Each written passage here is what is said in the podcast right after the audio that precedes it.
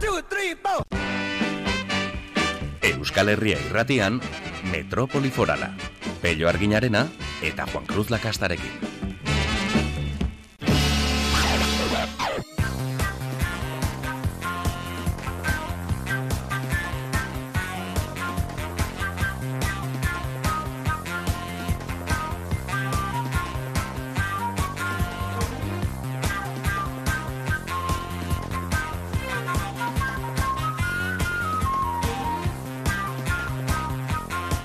Goizeko bederatziak eta lau minutu dira, egunon Metropoli Foraldarrok, egunon Igor Eskudero, ari, ari, ari, Eskudero Teknikari. ¿Qué pasa, Juan Cruz? hermoso? Zer gizalarru, Ba, ongi, ongi, bakarrik utzi gaituzte. Ja, dio. Eh, honek... Be- eh, Beharrik ostidala den eta pozik gauden. Bai, bai, bai, bueno, eta honek eh, itzordu romantikoa ematen du. Bai, bai. Gainerazuk oraindik ez duzu pertsen altxatu, kontrol geilakoa, ilun samar daukazu, ilun ez, baina ez eh, erabat argi.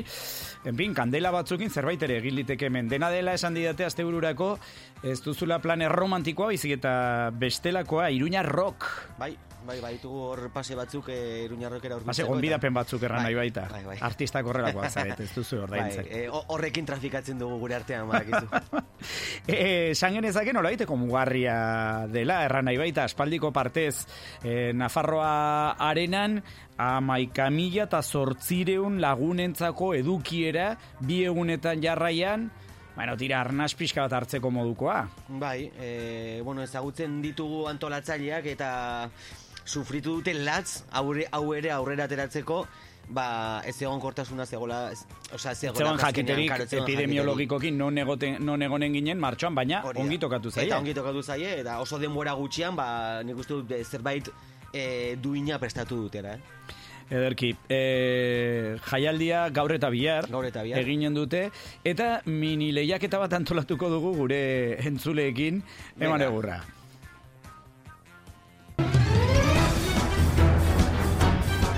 Esan bezala, Iruñarrok jaialdian gaur eta bihar eginen dituzte kontzertuak. Gaur, Sutagar, Lendakaris Muertos, Tropa du Carayo, eta beste zenbait taldek joko dute, bihar KCO, Los Chicos del Maíz, Mafalda, eta beste zenbaitzuk. Galdera, entzule jonandere maiteok, zein egunetan joanen da Igor Iruñarrokera?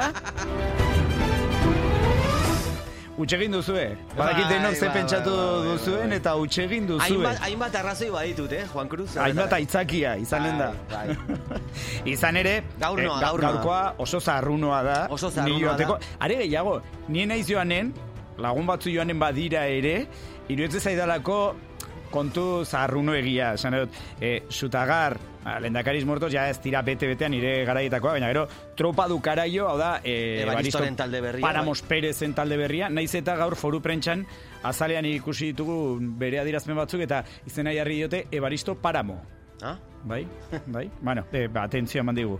E, e, esea erorizaiola bere izenari. Bueno, hori esaten ari nintzen, esan dut neko talde zarrunoak. Ba, bai. Baina, e, kasualitatearen handia, e, jaialdi irikitzen duen taldea, eta gaur izten dutenak, bai, mos taldea eta de Guilty Brigade taldeak, ezagunak eta lagunak ditugula, eta ba, hoiek ikustera goaz gaur. Osea, hasieran arratsaldiko bostetan, Egon behar duzu bostetan, bostetan eta ordu bietan da ordu, ordu bit erdietan.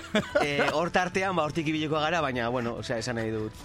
Peontzarena Eh, egiten, bai, bai. konparazioa. Sozializatzen, hori, Juan Cruz, hori da. Dederki.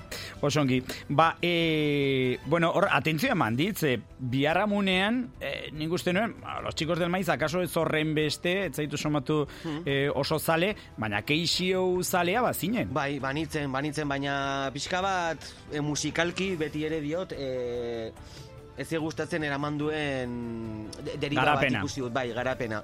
Baina jator jator izaten segitzen du. Bai, oso- gutxi, oso jatorra. Eh, la elkarrizketetan elkarrizketa eta, bai. ikusi nuen, eta nik eh, Zaragozako Bai. doinu hori eta goteko modu hori eta ko esateko Bai, bai. zeite duzu ko Ke pasako? eh, bai, asko gustatzen zait E, gauza da, ba, bueno, e, W-ren e, karrera pixka bat entzun dugunok, ba, oso aldaketa handia ikusi dugula, ja, berak bakarka, bakarrari bezala atera zuen azken, azken diskarekin, eta, ba, bueno, oso ezberdina da, ezagutu genuen eta gustatu zitzaigun KCO, e, violadores del versoren lehenengo disketan, eta orain Bai. ikusten ari garena, ez du ez. Ez- aitzindari batzu izan ziren, Bai, ez, hor erabat, bidea erabat. egin zuten, goi mailako bertsoak eh, osatu zaina, segurako Erabat, letra erabat. distiratxoa dauzkate edo zeuzkaten, nik egia esateko orain keixio ez du kontrolatzen ezin esan Eta dezaket. gainera, esan gauza bat esan dago, e, Iruñarrokera gainera, jazz bandarekin datorrela, jazz eh, magnetism, uste dut, dela taldea, eta horrek ere, ba, bueno, pixka bat, ba,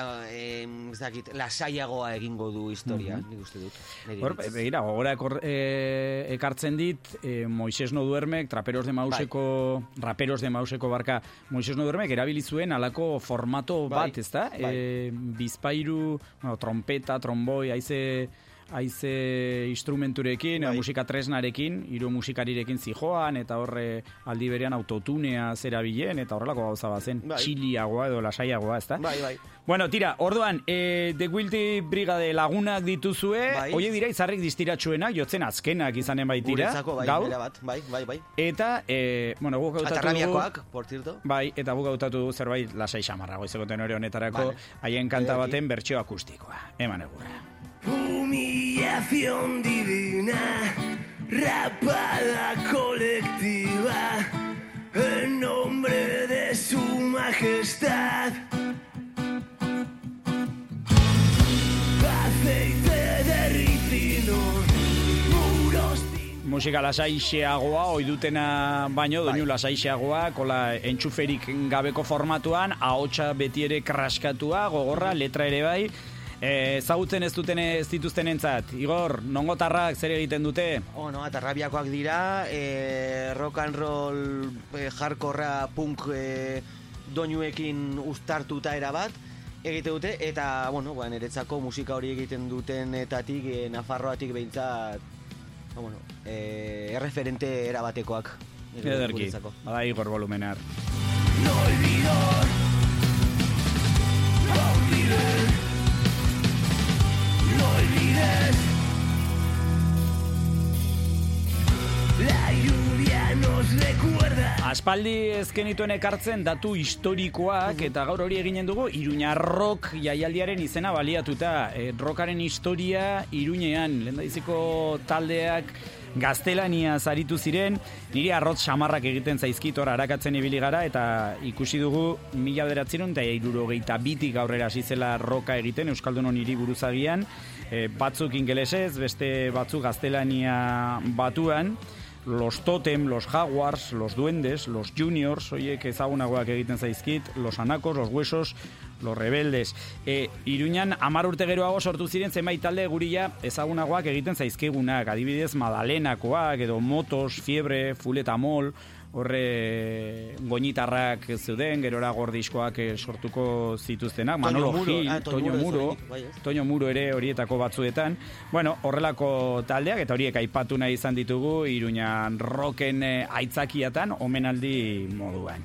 Roban la vida.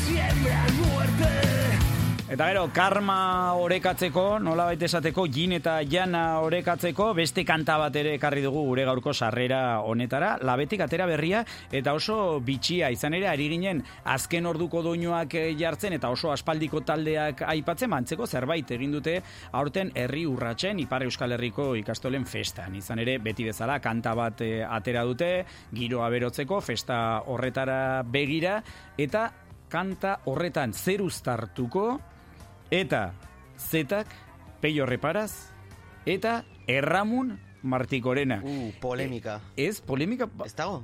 ez dakit, gale- a- galdetzen akaso, dute? akaso aserretuko dira txismafiakoak. Alegindu baitziren, ala- ba, alegindu ez, baina Eh, eh, jai pixka bat sortu zuten, nola ikusmi Bai, pixka bat bai. sortu zuten, esanez erramunekin grabatua Bai. zutela kanta bat, azkenean sampler bat sartu Bai. zuten, eta orain hori errealitate bihurtu du peio reparazek. Baina, Ordan peio reparaz... Ez zait ideia hortik hartu duena, da, ez? Aurreratu zaie, txilmafiako. Aurreratu eh, zaie, tio. aurreratu zaie, aurreratu Eh, zaie. oraindik, oraindik hain ez Twitterren sartu ba, pare bat egun atzetik, osea, eta seguro ja zerbait jarriko ez dutela, orduan. Egiaren aitortzeko ez dakit, nik neuk ere ez dut ikusi galtza bete lan gabiltza azken egunoten eta tarte gutxi hola buru belarri sartzeko sare sozialetan. E, eman egurra izan ere nire gustatu zait.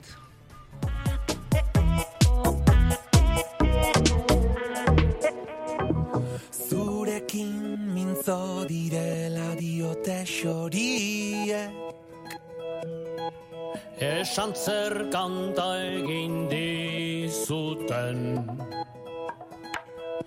Zein gertu gauden sentitzen alden amaiurren. Hori diote baikorrin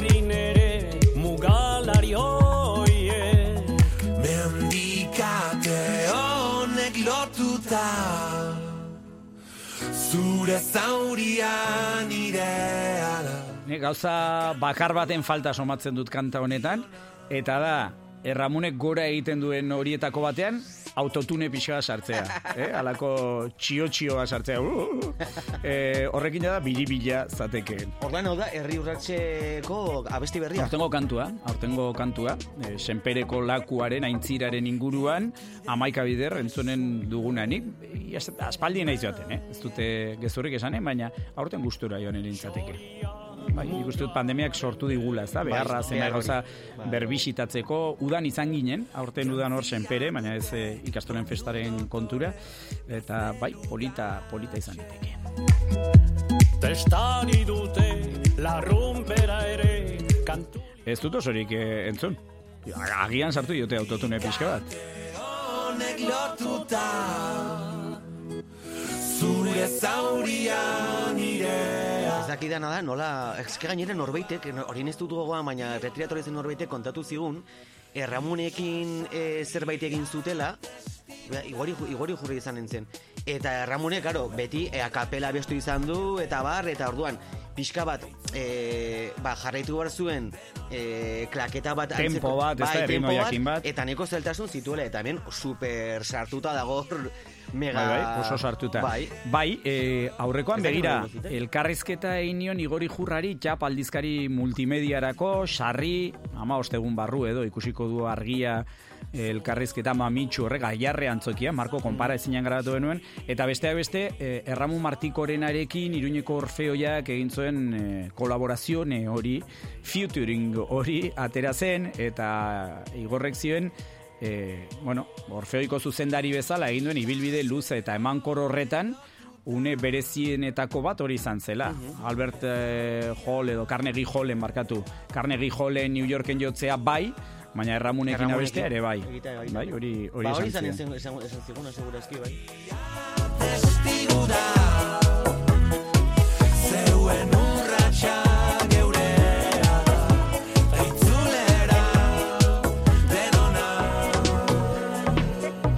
Gaina, oinarrietan eta kasiotonea sartu dute topera, ez da? Bai. Sartziteken guzia. Bai, Niko bai, bai. beteta daukate, Erramu Martikorenarekin batera. Bada, gustatu zait, gustatu zaidan ezerki. Bada, gure ohiko atalekin hasiko gara, gaur tamalez ez dauzkagu ez aritz paskual, ez da loitzune amatria ere, loitzune joan zaigu prentxaurreko batera, goizeko bederatzi tardietan zegoen batera, gero aipatuko du zeinetara, eta aritz paskual gaur baja da, baina inorrez dadila larritu, ez bai dago larri, osongi dago, eta astelenean gurekin eukiko du hemen zintzo demonio. Bon, bada, e, albiste agendari erreparatzen hasita esan beharko dugu bederatzietan abiatu dela Nafarroko parlamentuan foru hobekuntzaren inguruko jardunaldien bigarren e, eguna, horretan hainbat izpide, badakizue hortik abiaturik lantaldea osatuko dutela parlamentuan, eta helburu dutela Ah, foru hobekuntza birrobetzea, birrobekuntza edo berrobekuntza esan beharko genuke, bada, kaso bai. Horren ondotik, gutxo gara bera, amairu minutu barru, hainbat sindikatuk prentxaurrekoa eskeniko dute, zehazki komisiones obrerasek, UGT, FAKuak, ZEABek eta beste zenbaitek iragartzeko mobilizazioak e, presion gorakadari aurre egiteko eta enplegua babesteko. Irudipena daukator, eh, alako leia interesgarri eta garrantzitsua sortzen ari dela, izan ere, hain justu alakoen aurka mobilizatzen lendabizikoak, eskui muturreko taldeak izaten ari dira, konparaziora hor garraiolarien artean, hor patronalak egin eh, duen, garraiolarien patronalak egin dituen eh, lan uste horietan, badakit hemen sindikatuak ere batu direla eta langile zintzoak ere badaudela hor. Eta hori aldarrikatu behar dela, baina diot, muturra sartzen ari da eskuin muturra, eta ikusi beharko da, lehia horretan nola moldatzen diren gainontzeko eragile zinegileak. E, kontu gehiago deratzi terdietan, e, prentxaurreko no, garrantzitsu bat, edo mm, 2008ko foru hauteskundeetan ondorioak ukin ditzakeena, zenbait independentek agiri bat e, aurkeztuko dute eta horren bitartez eskatuko dutena ahaldu guren izquierda ezkerraren eta batzarraren bategitea datozen foru taudel hauteskundeetara begira horra joan da e, loizune amatria. Amaiketan, kulturari aipamena eginen diogu, izan ere, sastraka maleza izeneko erakusketa aurkeztuko dute e, ziudadelan, hor arte plastikoak eta bestelakoak guztartzen ditu erakusketa horrek, eta Javier Manzanos artistak peio lizarralde, idazlearekin eh, batera, eta Imanol Raio, zinemagilearekin eh, batera aurkeztuko du erakusketa, hor, e, usu errazkin ere, izanen da, barka, anztenari zitzaidan, erein argitaletxeko editorea. Eguerdiko amabietan, bada Douglas enpresako langileek, edo haien ordezkari sindikalek, ELA UGT eta Komisiones Obreraseko ordezkariek, prentxaurrekoa eskeniko dute, zuzendaritzak aldin baterako lan erregulazio espedientea eta akaso hortik arago ere, bueno, ezarri nahi diela eta hortik arago ere jo nahi duela enpresa isteko. Bada hori esek dira gaur dauzkagun e, itzorduak. Eta honen ondotik, Lehen deiari tartea eginen diogu. Bi aste, besterik ez da falta hogeita bigarren korrika abiatzeko eta atzo iruñan San Agustin karrikako Nafarroa antzerki eskolan, Euskararen aldeko lasterketa ero eta zoragarri honen aurkezpena so, edo aurkezpen soziala egin zuten korrikaren Nafarroako koordinatzaile eta ekako veterano Asier Biurrun daukagu gurekin. Egun hon, Asier? Baita ere. Gero eta gutxiago falta da? Bai, azukarran zu, bihazte, gero eta gutxiago, eta hori entzun eta oiepurria jartzen zait. Emozioagatik eta, eta bueno, pues oraindik ez dizu ez zurrik erranen, gauza batzuk ere lotu ditugulako. Utzi ditugu gauza batzuk bukaerarako ere. Ba, emozio pixa bat behar da. Esan dute, dena Hori lotuta da. ez dugu ikiko amabostegun e, lehenago dena dela, hasier, pentsatzekoa da, zenbate denbora gutxiago geratu, puzlea orain, e, orduan eta zailagoa izanen e, dela, eta kilometroak behar bezala antolatzea, gero eta, eta korapilatxuagoa, zer mozuz daramazu puzle hori?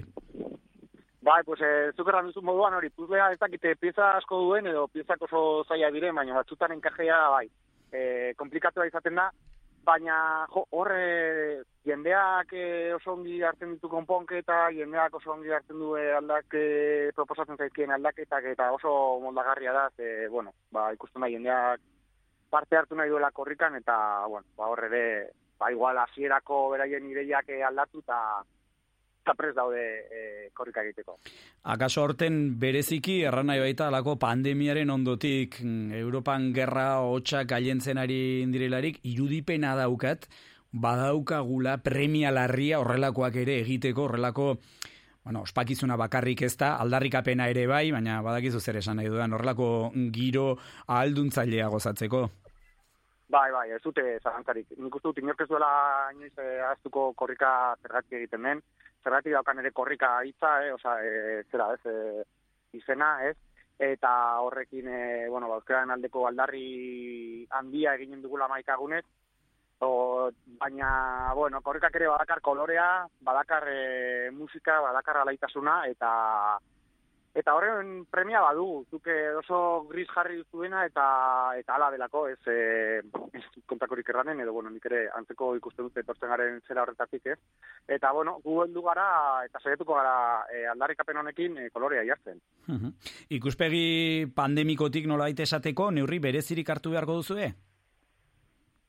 Bueno, guk eh, ditugun protokoloak eta neurriak dira, e, ba, bueno, egun e, e, eskatzen diren horiek eta eta jende guztiak ezagutzen di- dituenak. Pues, e, maskara jarri beharko dugu adibidez e, ba, distantzia mantentzeko aukerarik ez dagoenean, eta jendeak ezagutzen dituen e, neurriak hartuko ditugu. Bereziak, e, berez, ez, e, bueno, bereziak bereziak dira, ez, hartu behar diren neurriak, baina gu bereziagoak ez ditugu ez ditugu hartuko, ez ditugu neurri murriztaiagoak e, hartuko. Bueno, pentsatzeko da furgonetan edukiera mugatu beharko duzuela, izan ere, ko, korrika kubritzen Eh, dugun furgonetan, bideo zenbaitetan furgonetan, ez da izan bat elkartzen garen, e, Bai, bai, dozena bat alako batean, ez da? E, bueno, horrelakoak eh, aintzat hartu beharko ditugu, guk dagoeneko bi, bi moto fitxatu ditugu, eta apirilaren bian, e, korrikak iruñerria zeharkatzen duelarik, lau orduko zuzeneko saioa eginen dugu, berri emaile zenbait kalean, beste batzu moto gainean, eta horra eginduko gara horren berri alik eta hobekien eh, ematen. Atzo arestian esan dugun eh, bezala, korrikaren aurkezpen eh, soziala, eta horretan besteak beste ikusi izan genuena, zer nolako eh, sostengu zabala jasotzen duen, hainbat eragileren partetik ekimen honek, hasier. Bai, atzo, e, ala, ala geratzen agerian. Eta, bueno, guk e, orkesten soziala hain zuzen ere e, horretarako egiten dugu, ez? E, sostengoa ematen duen e, jende eta eragile horrekin guziekin, atarte bat hartu izateko, korrikaz hitz egiteko, e, bueno, ba, Nafarro kontzertizko lan egin genuen moduan, e, modu serioan, erranen dut, ez dakite hitz egokiena den, eta gero, ba, modu lasaiago batean, ba, mokau baten inguruan ere, ba, komentatzeko korrikak zer dakarren, zeintu diren gure aldatekapenak, eta, eta bueno, gustarte horretaz e, gozatu alizatuko ere. Mhm. E, ze moduz joan zen, gainontzekaban, bueno, han izan ginen, ikusi genuen giro beroa zegoela, baina labur bilduz, zere azpimarratuko zenuke. Ba, nik azpimarratuko nuke atzoko ekitaldia, ze jendeak oso gustora hartu zuela korrikak ekar- ekarriko duen eh, mezua, edo bakarren mezua, jendeak eh, asko disfrutatu zuela, eta eta jendeak eh, nola egin zuen irribarre korrikako irudiak ikusi zituenean, berriro korrika heldu dela ikusi zuenean, eta, eta bueno, pues Euskarak berreskuratuko duela berriro plaza, ba ez dut erranen solik, baina bai e, korrikari esker. E, tamalez, korrika eta presak alde egin behar izan nuen, badakit e, zizkamizka bazela amaieran, luzatu altzen kontua. Ba, luzatu zen, eta suposatu de baton batek eh, luzatuko zuela gehiago, eh, eta, bueno, ba, lehen erran duana, ez? Agerian geratu zen e, gustora ginela, nineu barne, eta horrek, ba, albidetu zuen e, luzatzea e, kontua, ze, bueno, ba, oso gustora ginen, batetik e, tripa, tripari gauzatxoak sartzen, eta gero solasean. Ederki. Em, badago, badaukagu lankide bat, Aritz Pascual, eh, oso aditz berezia darabilena, txistortu aditza. Eta hori zer den, bada, albisteak Nafarroara ekarri. Bon, e, aurten e, korrika amurriotik abiatuko da, donostian amaituko da, esan gabe doa, Nafarroa zeharkatuko duela, baina hor, baten batek esan lezake, ah, aurten Nafarroak e, protagonismo gutxi. Bon, kanta gurea da, hori aldarrikatzen aldugu, ezta? Bai, ala da, ala da, bai, kanta eh, hemendik eh, sortua da, nerea gutizuk eh, eh, sortua da, orduan. Sustraiko Bai, lina dezakegu, zaigu, bai. Eimarte ubereta goena ere ibili da tartean, eta hori ere e, Nafarra dugu, hori gurea da behintzat. Hori da, hori da, hor daukagu guk eh, aldarrikapena nahi baduzue, ez? Eta aurtengo korrikako abestia eh, gurea da. Bueno, ederki, bada horrekin agurtuko zaitugu oso, joan da, oso ongi joan dadila guzia, eta animo izan ere badakigu e, ze gogorra izan daitekeen alako e, zera ekitaldi erraldoi baten antolakuntzaren azken txampa. Beraz, besarka handi bat eta herria zuekin. Berdin, eskermila.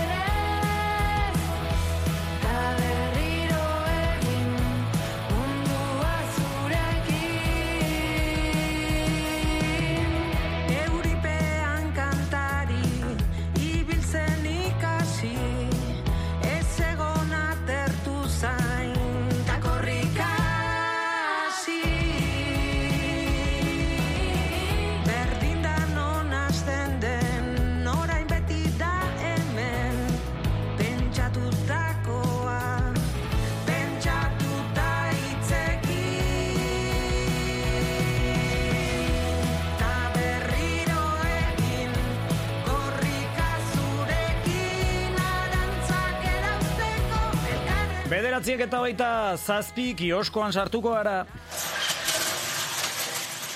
Optika iruñaren eskutik, prentsa irakurketa. Zatoz gure optika eta entzumen zentrora. Aiozko monasterioa lau eta optikaliruña.com.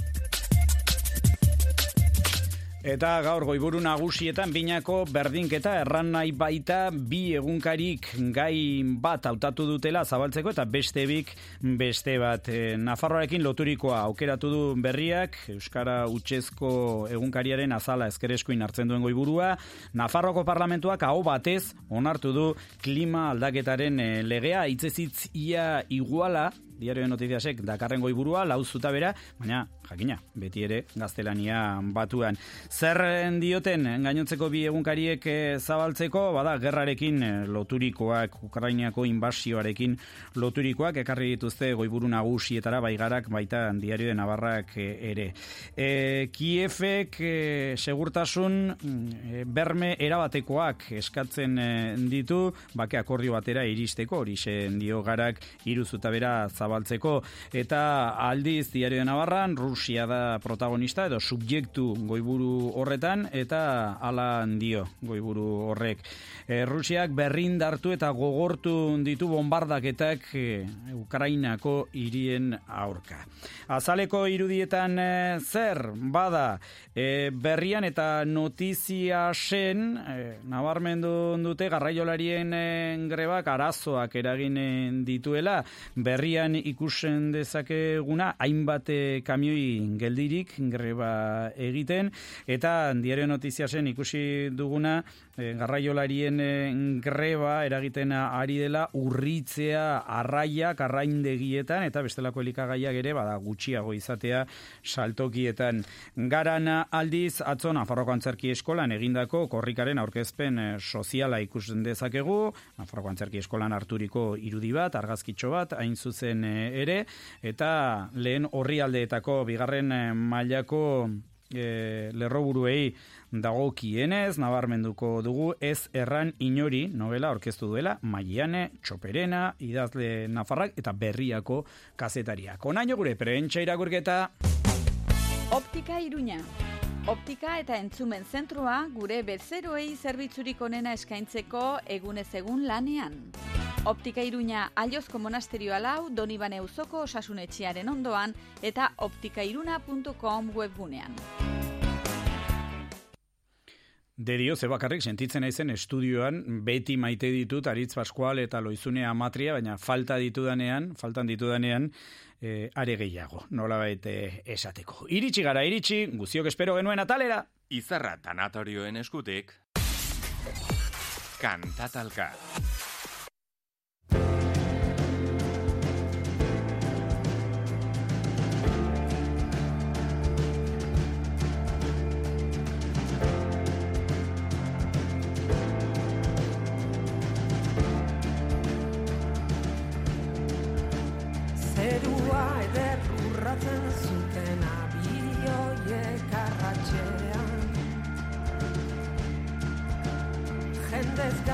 Eta kantatalkan ez ustekorik ez, edo bai, nondi behiratzen zaion. Irabazleari dagokionez, Loizuna matria beste behin ere, anariren autodefinitua izeneko abesti tzar honekin. Dena dela, esanen dizut, Igor, leia izan, izan dela. Eta gainera, leia izan dela, e, gure entzuleen artean. Ah, bai, eh? Enuke xenofo jarri nahi, baina e, WhatsAppen bota emate dute gure entzuleek. Bai. Kantak entzuten dituztenak, Bai, ezagutzen bai. gaituztenak. Eta horretan parra egin dute anariren kantuak eta Patagoniarenak. Iruñeko aspaldiko rock talde batenak, badakizu hor, bueno, euskaraz abesten zuten, eskalatzaileak eh, ziren, aitorra arteaga zuten abeslari, eta oso... Empate bai, baina boto gehien... Berdinketa, gainera ja- eh, berdinketa. Berdinketa, boto Bai. gehien jasota. Bai, bai, bai, bion artean, Hori bai, hori da. Baina, kanpotarrek, guretakoak ez direnek, oso abaskal jartzen ari naiz. E, sare sozialetan... klik egiten duten, eh? Bai, bai, eta, eta Euskal Herria irratiaren idiosinkrazia ezagutu gabe, eta iruñerriko garai bateko e, musika taldeak gozatu gabe, eta bizkat beren e, ikuspegia zabaldu gabe, botoa ematen duten horiek, Eske horrela... e, zapaldu gaituzte. Kanpotik datoz guri sariak entzera. Bai, bai, Oso bai. Horrela- naiz, eh? Horrela ezin da. Ba, e, lagun txiolariak ditut. Naiz esaten ari txiolari guziak lapur batzu direla, baina bai boto hauek eman dituztenak. Em, kontua da, e, bo, garaipen erabatekoa lortu duela Twitterren gure loizunek. Euneko berrogeita marra baino gehiago jasota, ez da? Horre... Bai, euneko berrogeita maseia. Euneko berrogeita maseia. bai, zer egin Eh, diogu, ba. Juan Cruz, mezu bat jaso dugu. Bai, Eh, jarriko dizut. Bota. Ea zer dion. Kaixo, egunon eh, Juan Cruz eta Igor, gaur korrika eta presak atera naiz prentxaurreko batera eta tamalez ezin naiz horri izan eh, sarrerakoan, baina nire jarraitzaileei, eh, nire boto emaileei, nire entzulei eskertu nahi nien eh, astero-astero ematen didaten eh, babesa, argi dago, ez? Nik uste dut, e, bueno, frogatzen ari direla, ba, zeinek ekartzen dituen em, abestirik onenak, eta aste honetan ere hala gertatu da. Nik uste dute peio arginarenak, e, bueno, ba, hor baduela erantzukizun puntu bat, e, izan ere anari da e, aste honetan ekarri dudan e, proposamena, e, baino tira hori alde batera utzita entzulek e, berriz ere, e, nire aukeraren alde egin dute beraz horregatik e, eskerrik asko eta bueno, ba, horretan e, jarraituko dugu kalitatezko musika ekartzen metropoli foralera. Ale, gero arte. aur, e, zailtasunak ditut, zailtasunak ditut, bakizu, e, bueno, gutxituriko hizkuntz batean eta eta kultura batean diar dugu, eta zenbaitetan erreferenteak falta zaizkigu, pentsatzen ari nintzen oso Lola Flores, iruditzen zitzaidala, loiren hitzartze hau, eta e, saiatzen ari nintzen baliokide e, Euskaldun bat topatzen, Xavier Saldias etorri zaite gogora, horrelako ez dakit, e, tibismo pixka batekin, ez da gauza bera, ez da, Fo- folklorika izaera batekin, ez dakit, amaia zubiria ez da, ez da baliokidea, inondik inora, e, ez dakit, ez dakit, halakorik baute dugun, baina uste dut ulertzen dela, azpitestua ulertzen dela de eh, esan dudan horretan. Tira, aste honetan bai, aste honetan boto mordoa jaso Ah, dugu. WhatsApp eh, bitartez, hori ere esanen dugu. Izan ere, badaukago, saltoka janperako e, bi sarrera dauzkagu, oso sari ona, baina horretaz gain, badauzkagu, eh, edo badaukagu, e, errigorako Saski bat. Eta horrek eragin du boto holdea. Ez ditut zenbatu, ea, uste dute hogeita ma bi direla. Bo, ba, esadazu, e, nik e, joko nuke, ez zaitut baldintzatu nahi. Baina, zenbat eta zenbaki altuagoa, orduan eta lehenago eman zuten botoa. Mhm. Eta orduan pizgarria etzen horren beste izan e, saskia. Ez dakit, e, saskiagatik botoa eman duten horiek ere maite ditugu. E, baina tira, nik, e, mm, bueno, e, zer hori eman dizut. Orduan, nahiago duzu zenbaki altua esatea, eh, bajoa baino. Ez, ez, ez, esan tzazu nahi duzuna. Vale. Eh, a ber, ba, amairu garrena esango du, Juan Cruz. Amairu garrena, Bai. ea bada, bada, uste dute honek saskiaren gatik egin zuela, Au. dare gehiago Twitterren ikusi zuela, WhatsAppez boto eman ezkero, saria jasoko zuela, izan ere, mezua galase dio, arratsaldeon. Aste honetako kantu talkan, anariren autodefinitua bestia dut gogokoen. Ongi ibili. Ba, ba, ginen diogu bada. E, saskizale batek irabazi du saria, esan dute, baditu dala txiolarien artean lagunak, ez zaizkidala denak lapurrak iruditzen, baina! Beratzek eta hogeita masei, onaino gure kanta talka, jarraian aholku interesgarri zenbait, eta hain zuzen horren ondotik, Errigoraren saskiez mintzatuko gara, kanpaina berri batez, ekimen zoragarri horretako koordinatzaile eta eledun, Xantik Irogarekin. Eta horrelako egoera baten beste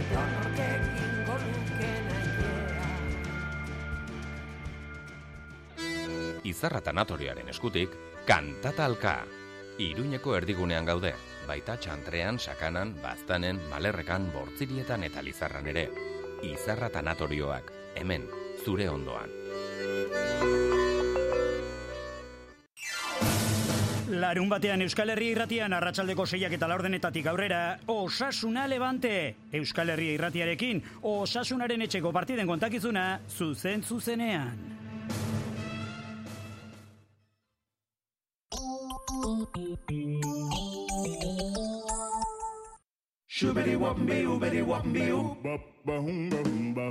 Bainuontzia dutxa bihurtzeko garaia iritsi da, larrarekin noski. Komunean eroso mugitzeko bakoitzaren beharretara moldatutako diseinuak egiten ditugu. Komun osoa zahar berritu edo bainuontzia dutxa bihurtzeko, kozinaslarra, mutiloako industrialdean eta kozinaslarra.comen aurkituko gaituzu. Badakizu kozinas larrarekin zure ametsetako komuna.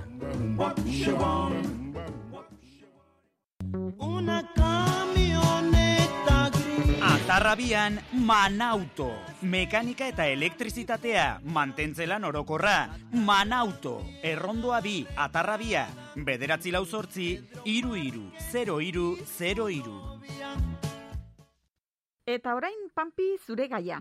Baztan bidasoako nekazaritza eta abeltzaintza ekologikoa ekia biodendan. Batzutan asezina baitugu gure bi begien soa. Begirada bat ez nola ikus gure eskualde osoa. Zurea egin nahi baduzu daukagun paradisoa. Sabelean goza dezakezu gure bastan bidasoa. Irurteren ondoren bueltan da Doktor Deseo maketoen iraultzarekin. Martxoaren hogeita zeian tote maretoan izango da Francis bere taldearekin. Ez galdu aukera, sarrerak salgai, salatoten.comen. Iluntzero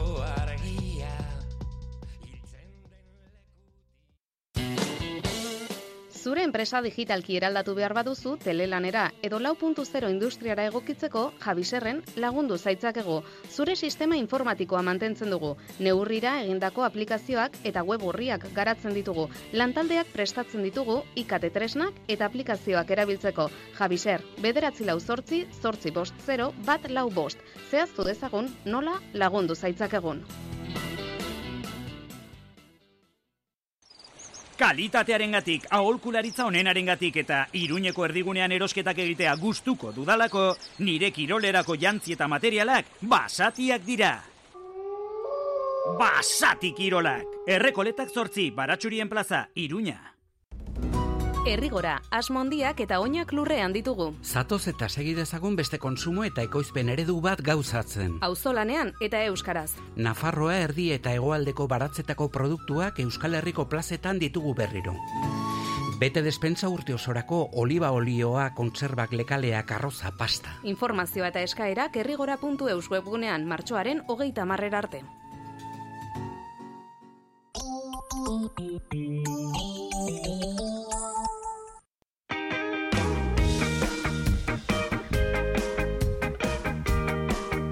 Euskal Herria irratian, Metropoli Forala, Juan Cruz Lakastarekin.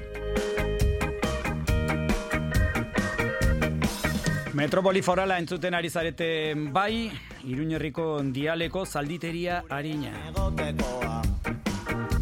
Egia da, garai batean, grazia handiagoa zuela aurkezpen honek, gerra hotxak Europan barna zabaltzen ari diren honetan, ez horren beste. Nola nahi ere horrelakoak gibelean utzirik errepara diezaiogun beste kontu bati, albiste on bati hain zuzen ere horrelakoen eh, premian bagara eta errigora kanpaina berria jarri du abian, Nafarrego aldeko usta eskutik eskura izenburu duna hain zuzen ere, eta horretaz mintzatzeko gurera gonbidatu dugu errigorako koordinatzaile eledunetako bat, Santi Quiroga, egunon, Santi? Egunon. Bueno, orentxe pentsatzen ari nintzen, gerra hotxak eta aipatuta, mm, Nafarroko lehen intsumisoetako bat, presoen artean, lehen biren artean, nola izan zen kontua? Bai, han ibliko zen. Hor, justu golkoko lehenengo gerraren garaian, ni desertore izan nintzen formalki hor, horretan, eta bai, handa etorri zen gainontzeko guztia. E, desertore ez intsumiso, legalki. Ba nintzen so, insumiso sobrevenido. Hori izan zen asmatu zen termino formala, bai. Ederki, e, hau da antimilitarista historikoa, esan genezake, ez da? Bai, bai, bai, bai. Eta dut. gainera, ostia, oen ikustita jotonen aldeko jarrera horiek eta harriturik nago, zen gazte batzuen jarrerak eh, netzate ulertezinak dira, baina ikusten dira. Bueno, gai aldatuta eta el diezaiogun errigoraren kanpaina honi. E, kontua da, kontsumitzeko era galdatzeko bide bat proposatu nahi duzuela.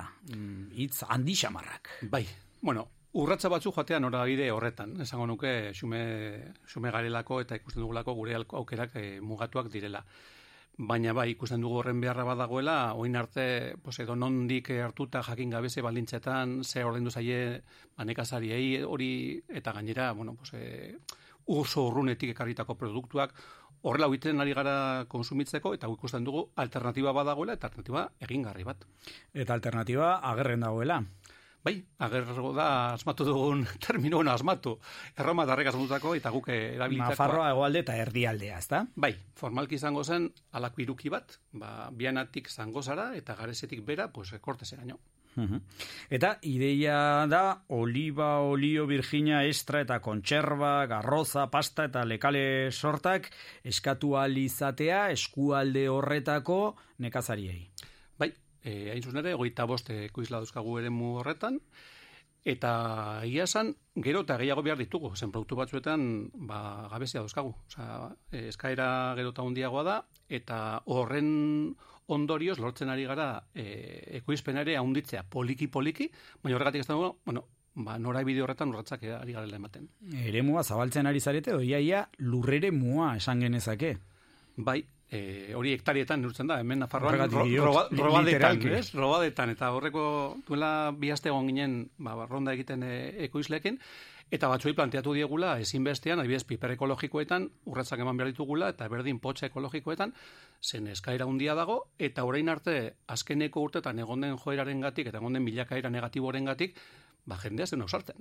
Eta hori oso gauza larria da, zupentza, ba, lehenengo sektorea eh, aipatzen ariren agerren horretan ze garrantzia duen, baina azkeneko urteak oso txarrak izan dira. Azkeneko urteak, azkeneko amarkadak izan genezake, ez?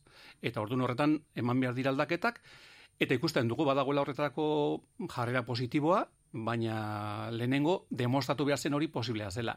Eta beratxegarren urtean, bueno, nik oso ja desente demostratzen ari dela. Hau da, e, inguru horretako nekazariak, erakartzen ari zarete e, ekoizpen ekologikora, eta hurbiltzen ari gara, denon artean, subirautza, e, elikadura subirautzara? Oia, nora bide horretan, ba, urbiltzen ari gara, oraindik zailtasun handia daude, eta zure eskitz egiten badu, pues, Nafarroan zeireun da protamar mila lagun gara, eta ikusi bako nuke, ze punturaino, ba, eraginkorra gara, gizarte osoari, jendarte osoari begira. Baina, ez dakit, ba, ipatu ezakegula gauza batzuk, importante izan ditezke, Nafarroa ez dela mundu mailako olio ba, ekoizle importanten bat, bueno, herrigorak iaz, egun da mila litro banatu zituen. Erraz eta hori guztiak ere horretatik, orduan, bueno, bada, bada zerbait. Eta urten aurre ikusten dugu hori gainditu aldela. Orduan, ba, hori oliotan, baina eske e, zangozako potzak, ospetsu horiek, desagertzen ari dira. Eta deitzen diote horri, baina igual bada beste produktu bat, izan daiteke babarrontzuriak edo antzeko dezen, orduan topatzen ari gara, erraitate bat, badagoela jende eta gero eta jende gehiago konsientziatu bat, eta orduan hori ere asetzeko antolatu behar da beste sistema alternatibo bat bitartekaritza espekulatibotek aratago joaten dena. Mhm. Eta kasu honetan konparaziora eskaerak nola egiten alditugu? Gero eta normalagoa da internetez egitea. Osea, hor, e, errigora.eu zen sartu, eta orduan horren bidez badagoela modu simple bat, baina simplea da e, horretako itura duen jendearen zako. Atzo hitz egiten nuen e, arrairratiko Martinekin. Bai. Eta berak etan zidan, Bale, ados, baina eske nik ez dut horretako iturik, ez dut whatsapping nahi ere gainera. Zir, Eta eskubide guztia dauka, eta bera bezala... Baz, bazterrean uzten ari garen e, gizatalde oso baten ordezkaria gauza batean baino gehiagoan. Ez Bai, bakarrik bai, internetekin, bai, bai, bai. eh, diot, ez dakit, bertsolaritzan ere, bueno, beste molde batekoa gustatzen zitzaion edo pilotan edo, bueno, hainbat gauzan ez ote garen baztertzen ari jende asko eta asko. Bai, Euskaldun eta- asko eta asko, esanen nuke. Eta hori kezka handia Euskaldunitzaren sortu zitzaigun, eta planteatuen, jo, pues horretarako alternatiba bat pilatu behar dela. Eta joan gara, simpleetara, pues, telefono bat jartzea, eta orduan, pues, internetez gatu alduzun bezala, pues, deitzen baduzu ego aldetik, sortzi lau sortzi, sortzi zazpi, bat, bi, bi, iru telefonora, berdin, berdin egin dezakezu eskaera. Edo bestela oso ohikoa da, pues, gu guarten herrian, ez? Pues, e, xanti, nahi ditut hau hau eta beste, whatsappa bidali edo kalean harrapatu eta eta eman. Hori ere oso ohikoa da, ari gara etxe egiten Euskal Herria osoan, ba, irureun bat banaketagun egon daitezke, eta eskaera tokiak are gehiago ere. Orduan, bueno, nesut zare potentea dela, baina egia esan noen daukagu utxunetxo batzuk mapan, eta joan behar dugula osatzen. Dena dela jendeak aintzat hartu beharko luke banaketa puntu hori guziak daudela, baina ez direla supermerkatuak nolait esateko eta komeni dela eskaera eh, esan edo mandatu bat eh, eskaera bat egiten duzenean eskaera handia egitea, ezta? Ez eskatzea litro bat olio eta pare baldata zainzuri, E, litro bat olio ezin eskuala. Ba, berez, olioa bos litroko ba, bidoietan dagoela, kenduta eskaintza ekologiko berezian, un egin ditugu ba, bi varietateetakoak bi litroko bi botila. Baina berez, eta gero ere berdin, hor, ba, logistikoki antolatu behar dela, eta orduan, e, lehenengo momentutik planteatu genituen urte osorako ba, e, behar duzun produktuak hartzea. Eta orduan horretarako plant, e, prestatu ditugu amabi ontzietako kutsak. Orduan zuk nahi zu, ez dakit, ba, nire etxean adibidez, ez gara oso olio ozale, baina kalkulatu dugu, ba urte batzutan ama bost litro, da, iru garrafa, beste batzutan lau, noiz bait izan dira bost depende etxean daude semeak edo ez dauden, eta horren arabera egiten dugu kalkuloa, ez? Bale, pues urte osorako hori behar dut, e, ekologikoa nahiago dut, konbentzional ere badago, presualdetikan badigo, badago ezberdintasuna, eta horren bideako ba, kalkuloa, ez? Eta gero beste autua da, ba, egia esan, nuzot, nahiko aukera iruñarrian adibidez, berrogei bat, ba, banaketa gunea daude. Ba, herria, zein iruñeko usoetan aukera zabala da. Eta ordutegiak, nolakoak izaten dira? E, banaketa, zu, sartzen, e, errigora puntua eusen sartzen zarenean, eskaira egiteko orduan eskatzen zu non jaso nahi duzu. Eta fijatzen bazara, han jartzen du noiz joan behar duzu produktuen bila. Iruñarriko kasuan izango da maiatzeren lehenengo astean. Osa, e, oain ari gara eskaira egiten hogeita marrarte, berez gero logistikarako behar dugu denbora desente, aste santua ere gaine erdian dago, eta horren geroztikan, e, apilaren hogeita beratzean, hogeita bostean, ba, esten gara bizkaiarekin. Gero egiten dugu Nafarroa, Ipar Euskal Herria, Araba, eta azkeneko astea potentena den eremua Gipuzkoa. Ordainketa egiteko tenorean, ezinbestean txartel bidez edo nola da kontua? Ez, e, azira batean ezin eskoa zen txartelekin egitea, gaur egun gehiengoak egiten du horrela, eta erosoa da, egia, egia zen, baina aukera dagoela betiko moduan produktua jasotzeko orduan, orduan ordaindu, ba, eskudirutan. Eta e, txartel bidez egin ezkero, mm, epe deserosotan ordaintzeko aukera ere bada, ezta? Egun eurotik orako erosketetan. Bai, e, kao, oin, denetan pentsatu behar dela, ez? Orduan badago, ba, jo, egin dezakezu eskaera, gau, urte osorako eskaera urte osorako eskaera egiteko sosa behar da. Sosa behar da. Orduan, badago aukera bat, zuk egiten duzu eskaera demagun hilabeteren ama, a, azkeneko astetan, eta behar bada ez duzu bandikan horrezmezterako dirua, ez? On, bizatitan egin dezakezu, eta orduan, azkeneko momentua ordaintzeko txartelarekin, apilen hogita bi, izanen da. Zengiro, ja, urrengo astean azten gara banaketarekin, eta orduan, e, ba, gure voluntarioek jakin behar dutela pertsona horrek ordaindu egin duen edo ez, ba, kobratzeko jasotzean, edo ja, kobratuta dagoela aldez aurretik. Eta horrendik aipatu ez duguna, voluntario horien lana, nola egiten duzuen, hau guzi hau, hau lanean. Hori da gure altxorra.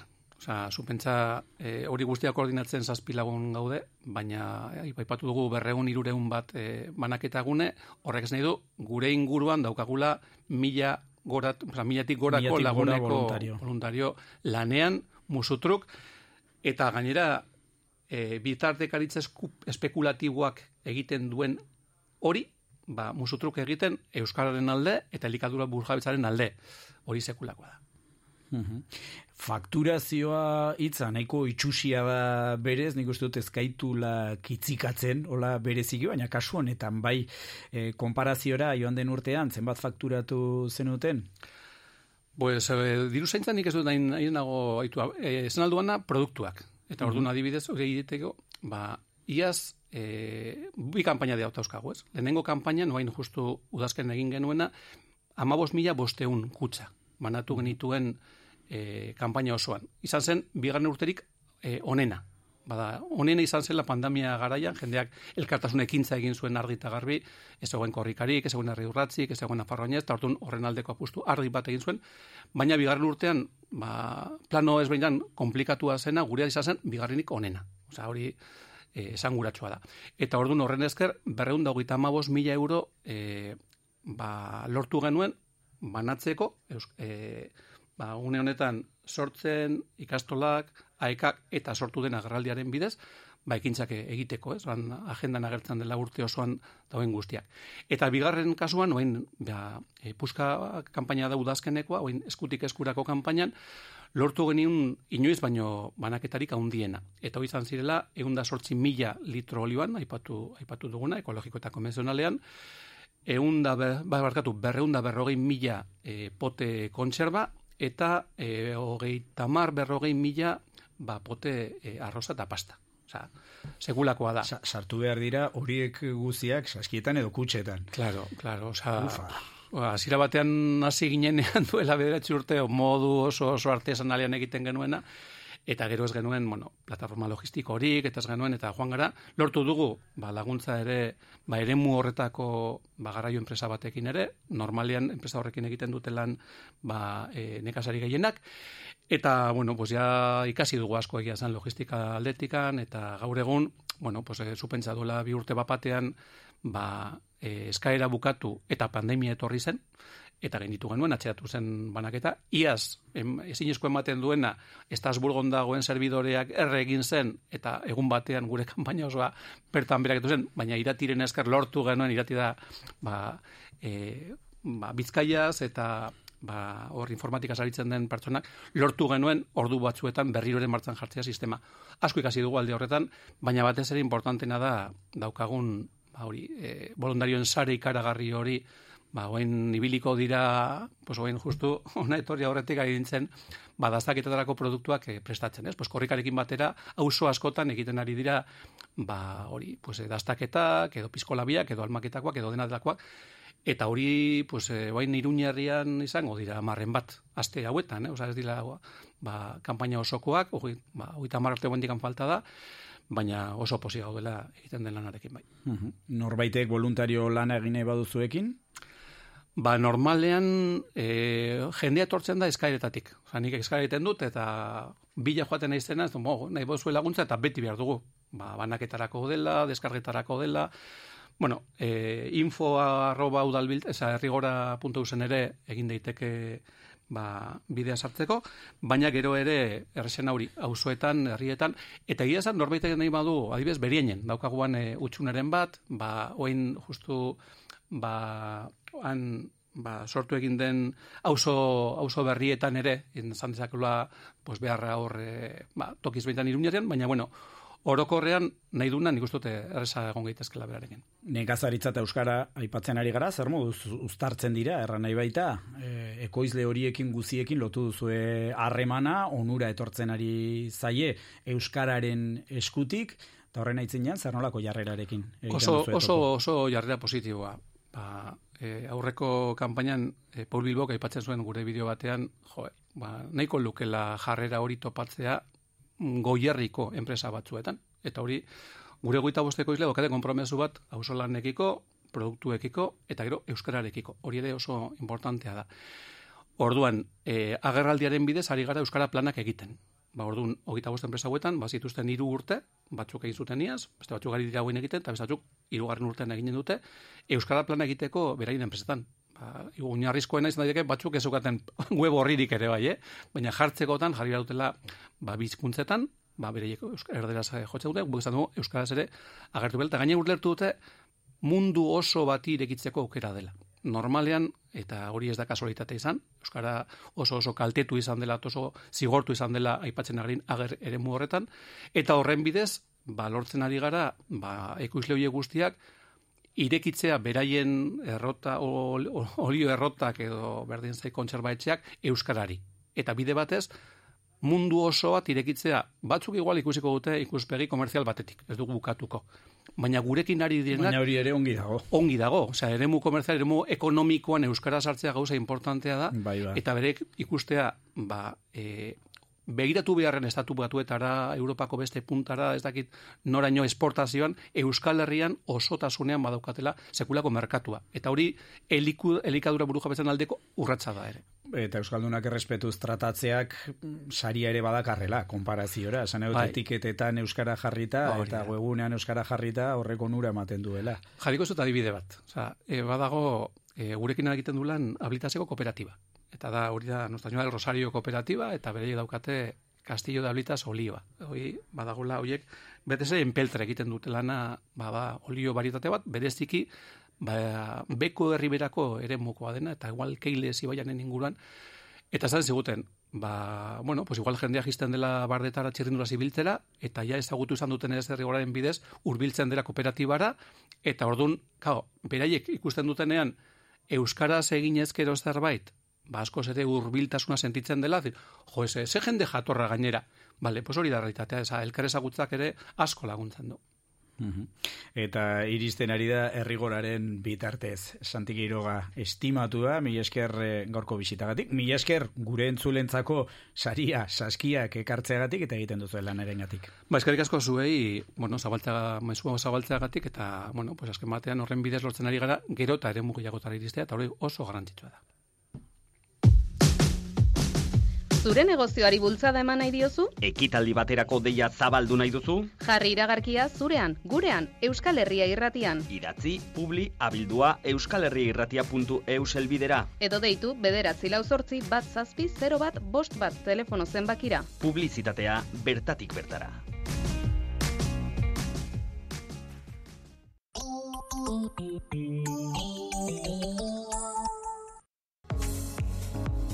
Autoko giltza, agintea edo sarraia konpondu beharra duzu? Zerrajeria Beloso, automobilaren sarraia gintza teknikoa. Autoko giltzekin duzun edo zein arazo konpondu dezakegu. Burlatan eta zerrajeriabeloso.es webunean aurkituko gaituzu. Gero eta gertuago gaude rural kutxan. Garrantzitsua da elkarrekin azten eta aurrera egiten jarraitzea. Amets egiteari ez uzteko, betikoak izaten jarraitzen dugu. Horregatik, gertu egotea gustatzen zaigu. Beti. Hitu, mundu zabaleko usain kolore eta soinu guztiak. Hitu opari den da Merkader Eskalea, Iruña. Noainen, serreria espartza. Zurdindegi eta ebanisterietarako hornikuntza. Altzariak, eskailerak eta upelak egiteko askotariko zura. Gaztainondoa, gereziondoa, lizarra, informazio gehiago serreriaesparza.com webunean. Gure berezitasuna, aritza.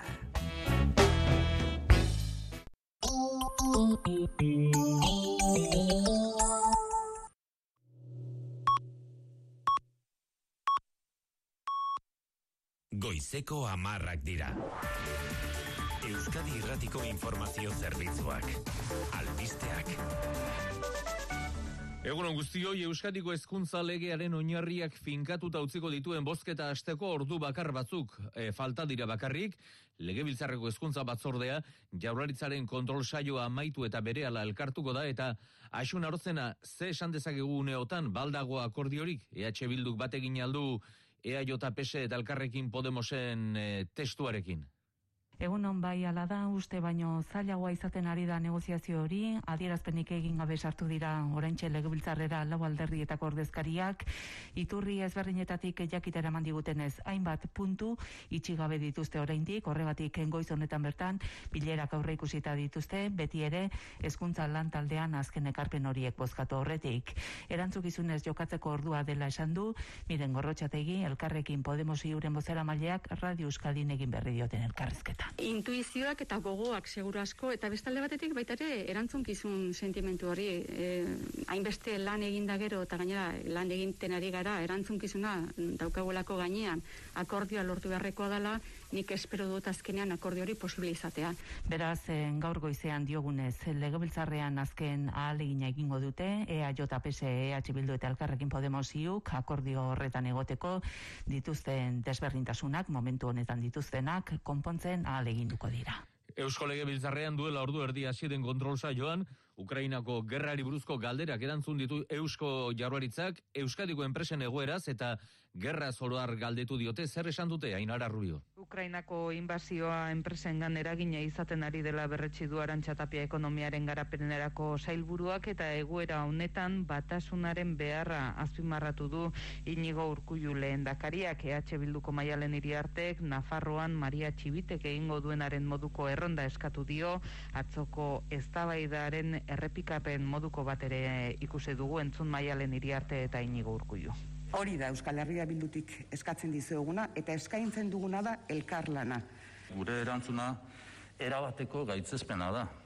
Eta gehiengo oso batekin bat ez duzuna egiten da zuen erantzuna.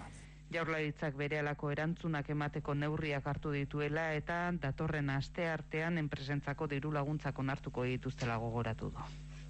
Ukrainan berriz Errusiak gaur Lubiu iria bombardatu du lehen da biziko aldiz. Ukraina mendebaldean dago Poloniako mugatik laurogei kilometrotara. Ukrainako armadaren arabera, itxaso beltzean dagoen urpekontzi batetik jaurtitako sei misil izan dira Lubiuko aireportuan lertu direnak, beste bi misil airean lertarazi dituzte Ukrainako defentsek. Kieven berriz, gaua lasaia izan da.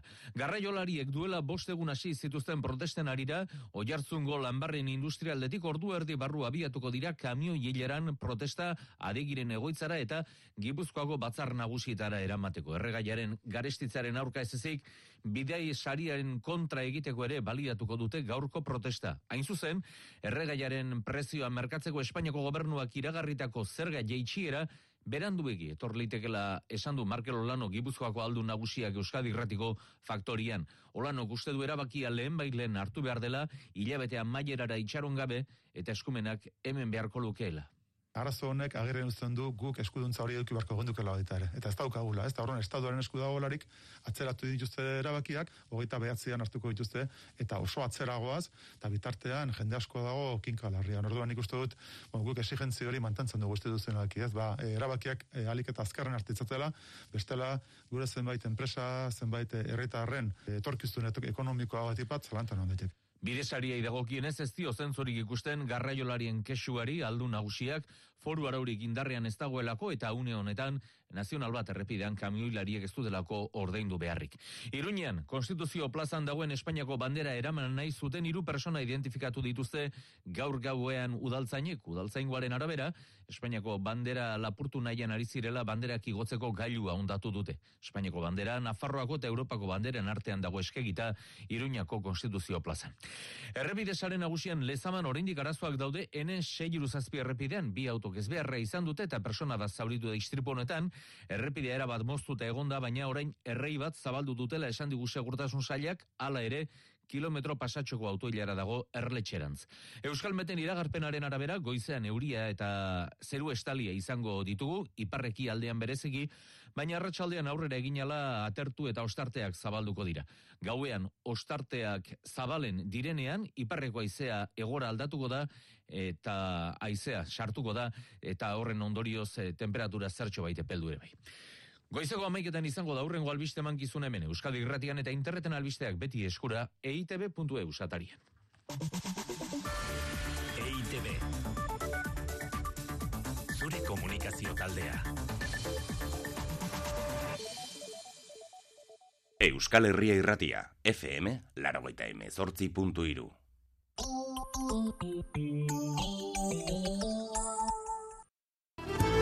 Erroibar eta eugirako bidean gautxori ostatu jatetxea. Bertako sukaldaritza eta tratu atsegina. Informazioa eta erreserbak bederatzi lau sortzi, iru zero lau zero zazpisei telefono zenbakian, edota ostalgautxori.comen. Gautxori ostatu jatetxea zubirin gaude. Geuretik sortuak euskaratik eta euskarazko ekoizpen artistiko eta kulturalak. Martxoak emezortzi, ostirala, arratzaldeko zazpietan uarteko arte garaikide zentroan, sex berdinak antzezlana. Jantxaka konpainiaren eskutik Telmo Irureta eta Aitziber Garmendiarekin sarrerak salgai uarteko kulturetxean eta udalaren weborrian.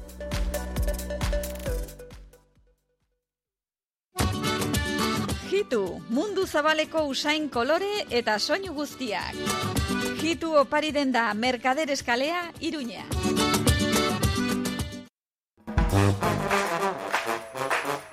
Nazioarteko poesia eguna martxoaren hogeian igandean eguerdiko amabit erdietan, kondestableko patioan sortaldekoak edoi etxarte, Broken Brothers Brass Band eta Xavier Erkiziarekin. Karrikirik antolatuta eta iruñeko udalak Nafarroako gobernuak eta eusko jaurlaritzak lagunduta. Karrikiri, iruñeko euskaldunon topagunea, Xavier Karrikalau.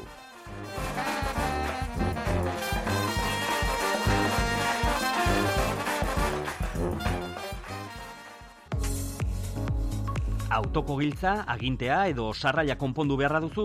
Zerrajeria Beloso, automobilaren sarraia gintza teknikoa. Autoko giltzekin duzun edo zein arazo konpondu dezakegu.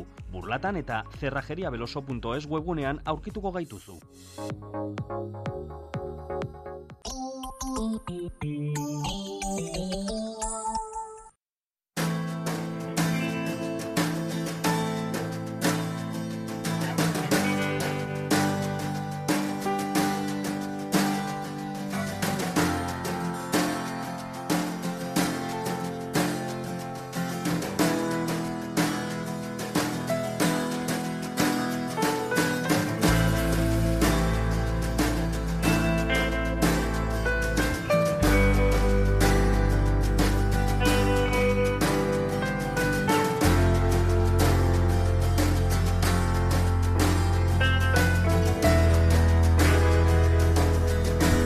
Eguna on berriz ere entzule goizeko amarrak eta zortzi minutu direnean Metropoli Forala zeharkatzen segituko dugu eta maikak bitartean goizeko magazina badakizu zurean gurean Euskal Herria irratian eta astekota behin iritziaren tartea zabalduko dugu. Metropoli Foralean, minutu bateko manifestua. Iban Jimenez kazetaria egunon eta nahi duzunean aurrera. Bai egunon, garraioa, arraioa. Garraiolariek hiriko kaleak okupatu dituzte, euren kamioi erraldoi eta burrun batzuekin. Euren bizimodua defendatzen ari dira eskubide osoz.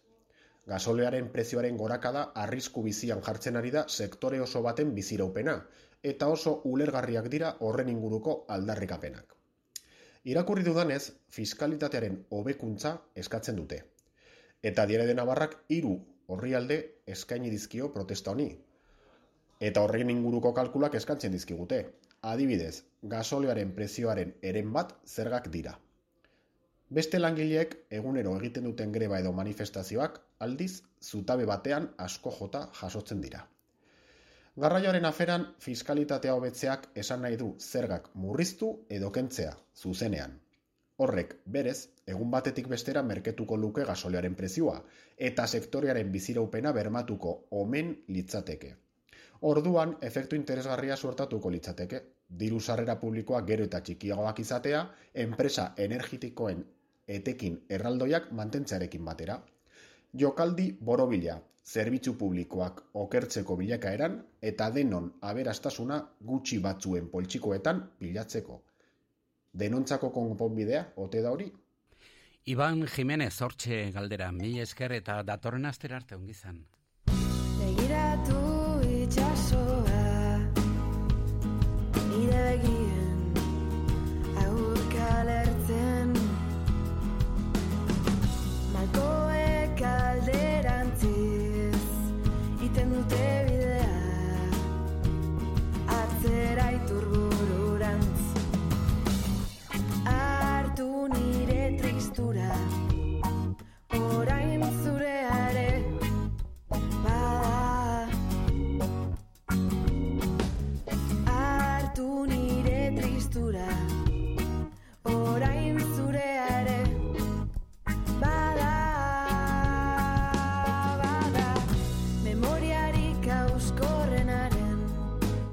Metropoli Forala.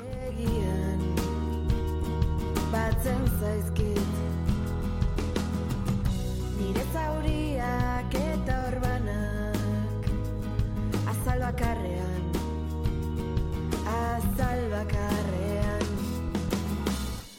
Hartu nire tristura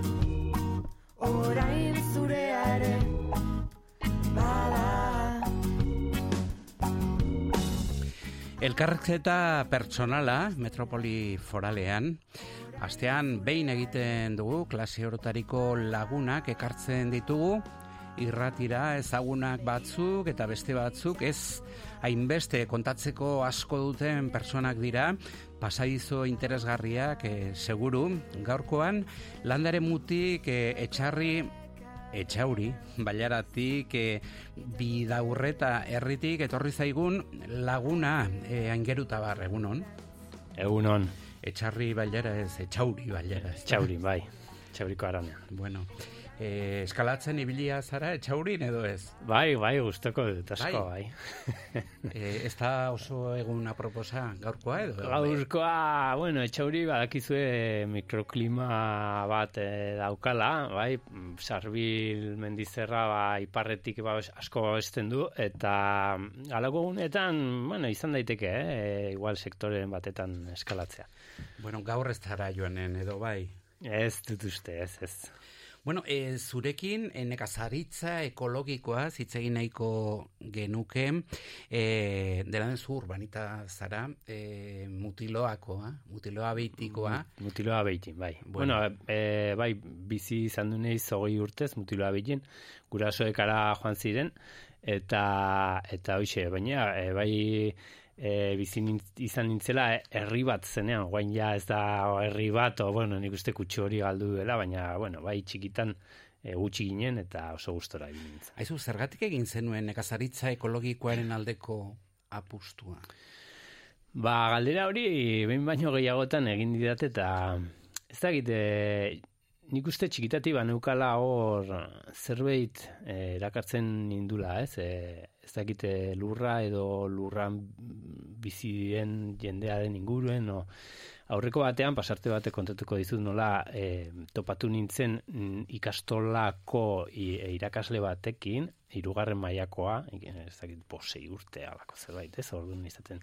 Eta e, nire produktua erosten ari zen aldezarrean bai e, e, eta bueno igual ikastolan ikasi nuen Eta hoiz eta jo, eta e, komentatu zidan da harrituta utzi ninduen, nola e, behin ba, etorri zan nire e, maira, ez, pupitera, ba, pixka bat animoak ematera, ba, ez, omen nintzen oso, ez, langia, bueno, ba, kostatzen zitzaidan, ez, agian pixka bat, eta e, hori, ba, joa, ingeru, ba, saiatu behar pixka bat, ez dakitzer, eta nik esan niola, jo, ba, eske nik hau ez dakitzate, ni nekazari izan nahi dut. Eta geratu nintzen, hau, osea, hau bete hortz. Orduan, zakit zergatik edo nundika, baina bai, ja, ez, zerbait ba omen neukan ja txikitatiko. Bueno, agian familian ikusten zenuen e, nekazaritzak e, nahiko garrantzia handia mm. zeukan. Bai, familian ez pentsa asko, eh? Ba, bakaikun, e, bai, ama bakaikoarra, eta han, bueno, bai, baukat oroitzapenen bat oroitzunarekin e, baratzan ibiltzearen, hor marrubiren bat jaten, eta Baina ez pentsa eta gero eh, hemen bida horretan gehiago frutarbolekin igual ba kontaktua izan nuela, ez? Hori bai. Aizu, sasoian, sagoi, sasoikoarekin egiten duzu lan, garai honetan zer daukazu baratzean? Bueno, e, e, bai, garai honetan agian ez da garairik oparoena, ez? E, or, e, oparoena bai, uda edo udazkena izan daiteke. Baina neguan badauzkagu udan jarritako landareak, e, orain biltzen ari garenak, e, aza bezala, porrua bezala, baratxuri freskoak ere daude, e, azaloreak, e, kardoa, e, gorde balin baitugu egosteko tipulak ere, izan ditzakegu, eta hoxe kalabazak ere gordetzen dira, biltzen dira hor urri aldera eta pues negu osoan orain uda berri bitarte, eh pues gorde gordetak eh, ongi mantentzen dira. Negutegi baten azpian nola egiten duzu lan? Eh bai, bauzkagu negutegia, baina gehien bat e, kalean egiten dugu lana, eh negutegia pixka bat negua igual e, osatzeko erabiltzen dugu, baina gehiengoa e, kalean. Aizu eta ondoan dagoen etxe batean bizizara nola egiten duzu bizitza? Bai, bida horretan bertan e, bizi naiz. E, aita bida horretakoa da. Orduan aspaldi, bueno, e, bertan erosizuten ba, ikuilu antzeko bat berritu eta pues, proiektuarekin batera ba, ni, e, bizitzera joan nintzen, ez? E, lurrak erosi eta bertara joan nintzen ordun bizi naiz bai ba baratzatik oso herria dago magal batean mendi magal batean ba, eta baratza daukagu arga ibaiaren ondoan pues, bost metrotara holako zerbait Eza, gukuluan, e, txerriak, oloa... bueno, ikulu berritua ba, esan dezakegu. Zer duzu bertan? Zer eh, Ukuluan. ez, ikuluan etxea, etxea, etxe bizitza egin genuen Bai, baina animaliak eta bai, ez, ez, anim, ez, ez, animaliak oioak baratzan dauzkagu, baina, bueno, eh, autokontsumorako bakarrik. Bai, arrautzak eta. Eh, arrautzak eta egunero, Bai. egunean egunekoa Hoxe. jateko, ezta? Aizu, e, nekazaritza ekologikoaren aldeko apustua, bai, errentagarria da? E, nik uste bai edo bai. E, errentagarria e, zentzu askotan, ez? E, ez bakarrik, bueno, errentagarritasuna baita ere zer den ere agian, ez, definitu beharko genuke, ez? Baina e, ez bakarrik ikuspegi ekonomiko batetik, baizik eta e, ikuspegi e, zea inguru giroko ikuspegi batetik, ez? E, guztiz errentagarria eta nik uste esan daitekela e, dala bide bakarra e, ezakite gizateria daukan bide bakarra bizirauteko. Dena den, eh, beti sortzen dira izurriteak e, eta bestelakoak. Horren aurrean zer egin? E, Ba, elkarbizi. Hori da gakoa, bai, e, askotan, e, jo, e, ematen du ezin dugula eltxo bat ikusi, ez? E, ematen du jango digula ezakituzta osoa edo alako zerbait. Eta hortxe, bueno, gakoa nik uste anistasunean dagoela, e, jartzen baditugu e, produktu bat baino gehiago edo amabos produktu edo berrogei produktu gu gutxi gora bera hortxe ibiltzen gara, eh? berrogei produktu inguru ekoizten ditugu, eta horrek, e, karo, em, hainbeste anistasun horrek bermatzen digu usta. Eh? Izan daiteke urte on bat e, zea tomatearentzat edo urte txar bat, izurrite bat etorri zaiolako, ba, guraldiaren arabera, e, az, azkenean intsektuak e, e, urtearen arabera e, ugaltzen dira gehiago edo gutxiago. Ordunzuk, e, baldin badukazu soilik e, tomateak eta urte hori txarra izan baldin bada, pues, claro, hor, e, ezakit, zulora zoaz, ez? Baina, Beraz. Eh, esan nahi dut, eh, anistasun batetan aurre egin diezaiokezu galera horri. Beraz, e, usta galtzen baduzu, e, tomatei esaten diezu, insektoak etorri dira, eta elkar bizitza egin dezakezue, eta, hori da, hori eta da, ga- ga- ikusi e, e, jakin behar duzu usta hori e, galtzen, e, baina e, esperientziak esaten digu ba, tomatearentzat urte txarra izan denean lekapilo bat e, jaso ditugula, eta orduan hor konpentsatu egiten duzu. Beraz, zu karta guztiak edo gehienak jokatzen dituzu, bazpare. Bai, bai, ez da erraza, azkenien eh, anistasun horrek, ba, claro, jakin behar duzu, landare bakoitzaren zikloa, ze momentu eh, den egokiena eh, jartzeko, eh, hor, eh, landare hoien atzetik eta aurretik ze beste landare di joan hobe, azkenean hor, eh, claro, jakituria bat eduki behar da, eta eh, findu behar duzu asko, ez? Baina eh, gakoa da, gakoa da, ba, usta, pues, bermatzeko. Aizu, e, lantaldean ari zarete, persona bakarrarentzat e, nahiko gorra izan daitekelako, ezta? Horrelako lanbide bat. Bai, bai, ez dut eh, gomendatzen eh, bakarrik ibiltzea baratzean edo, bueno, ez dakit beste lanetan.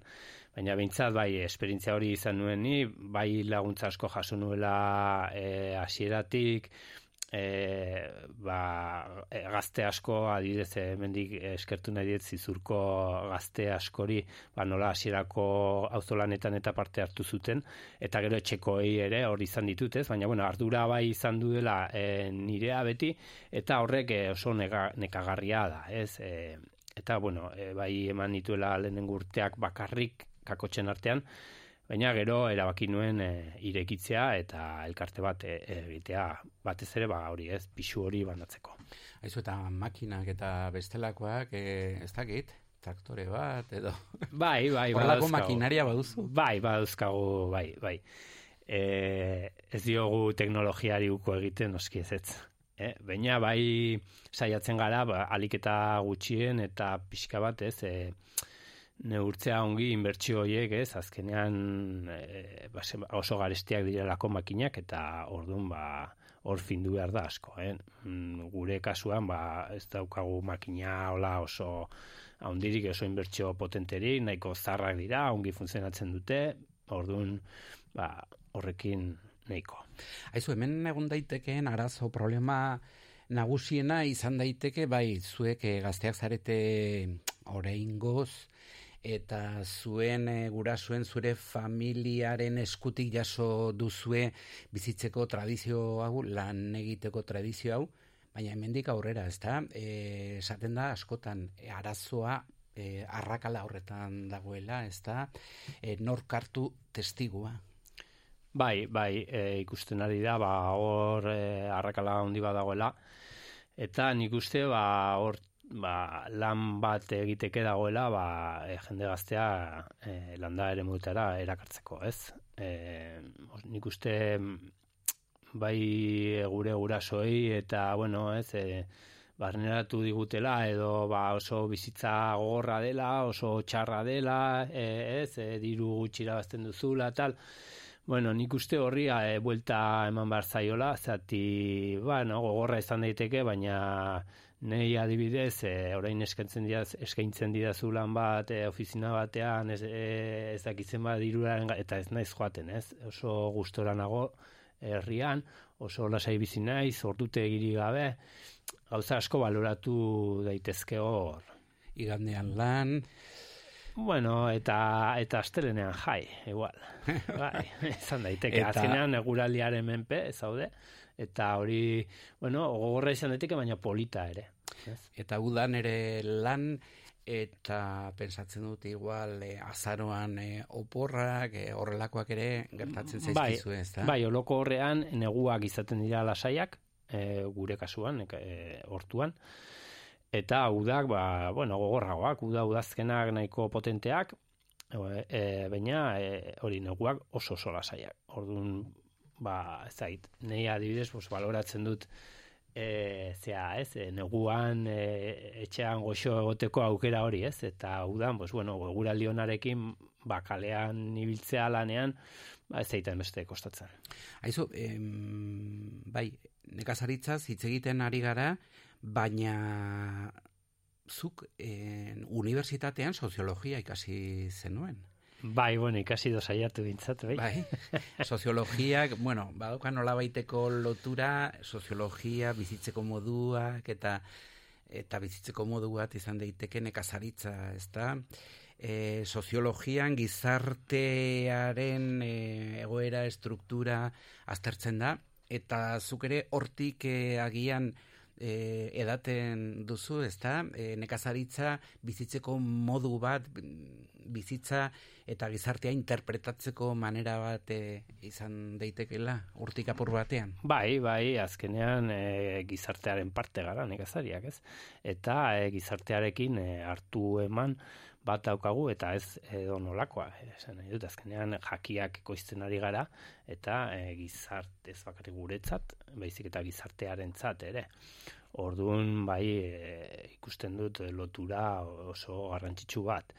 Ez bakarri hori, ba, esan dut, baita ere mm, nekazaritza azkenean lehenengo sektoreak, ez, e, gizarte batean daukan garrantzia askotan e, igual ez da kontutan hartzen, ez, izan behar zukena edo, baina bai nik ikusten dut oso garrantzitsua dela, ez, e, herri baten e, buru jabetza bat e, bilatzen badugu, ba hor e, e, zea jakien ekoizpenaren buru jabe izatea e, niretzat e, oso garrantzitsua da. Eta orain ikusten ari da gainera ez e, gaur egun nola e, menpekotasun bai energiaren aldetik edo, edo bai jakien aldetik e, menpekotasun hori beste herrialdekiko menpekotasun horrek ez e, sortzen dituen e, arazoak. Orduan bai estrategikoki e, ikusten dut e, lehenengo sektorea ba, mm, oso papel garrantzitsu bat e, daukala. Eta garrantzitsua benetan e, uholdeak ez e, nozitzea, ez da? Mhm. Arga, bos metrora daukazu, zema metrora daukazu? Bai, gutxi gora bera, bai, ondoan, e, bide etxo bat daukagu tartean, ba, bost azpi metro. Eta duela bi hilabete itota, ez? Eh, Bai, zure, bai, Zure hortua. Bai, bai, e, atera zan, gainera nahiko historikoa izan zan, e, e, Uholdea. uholdea, bai, bi metro ur izan genituen baratzan.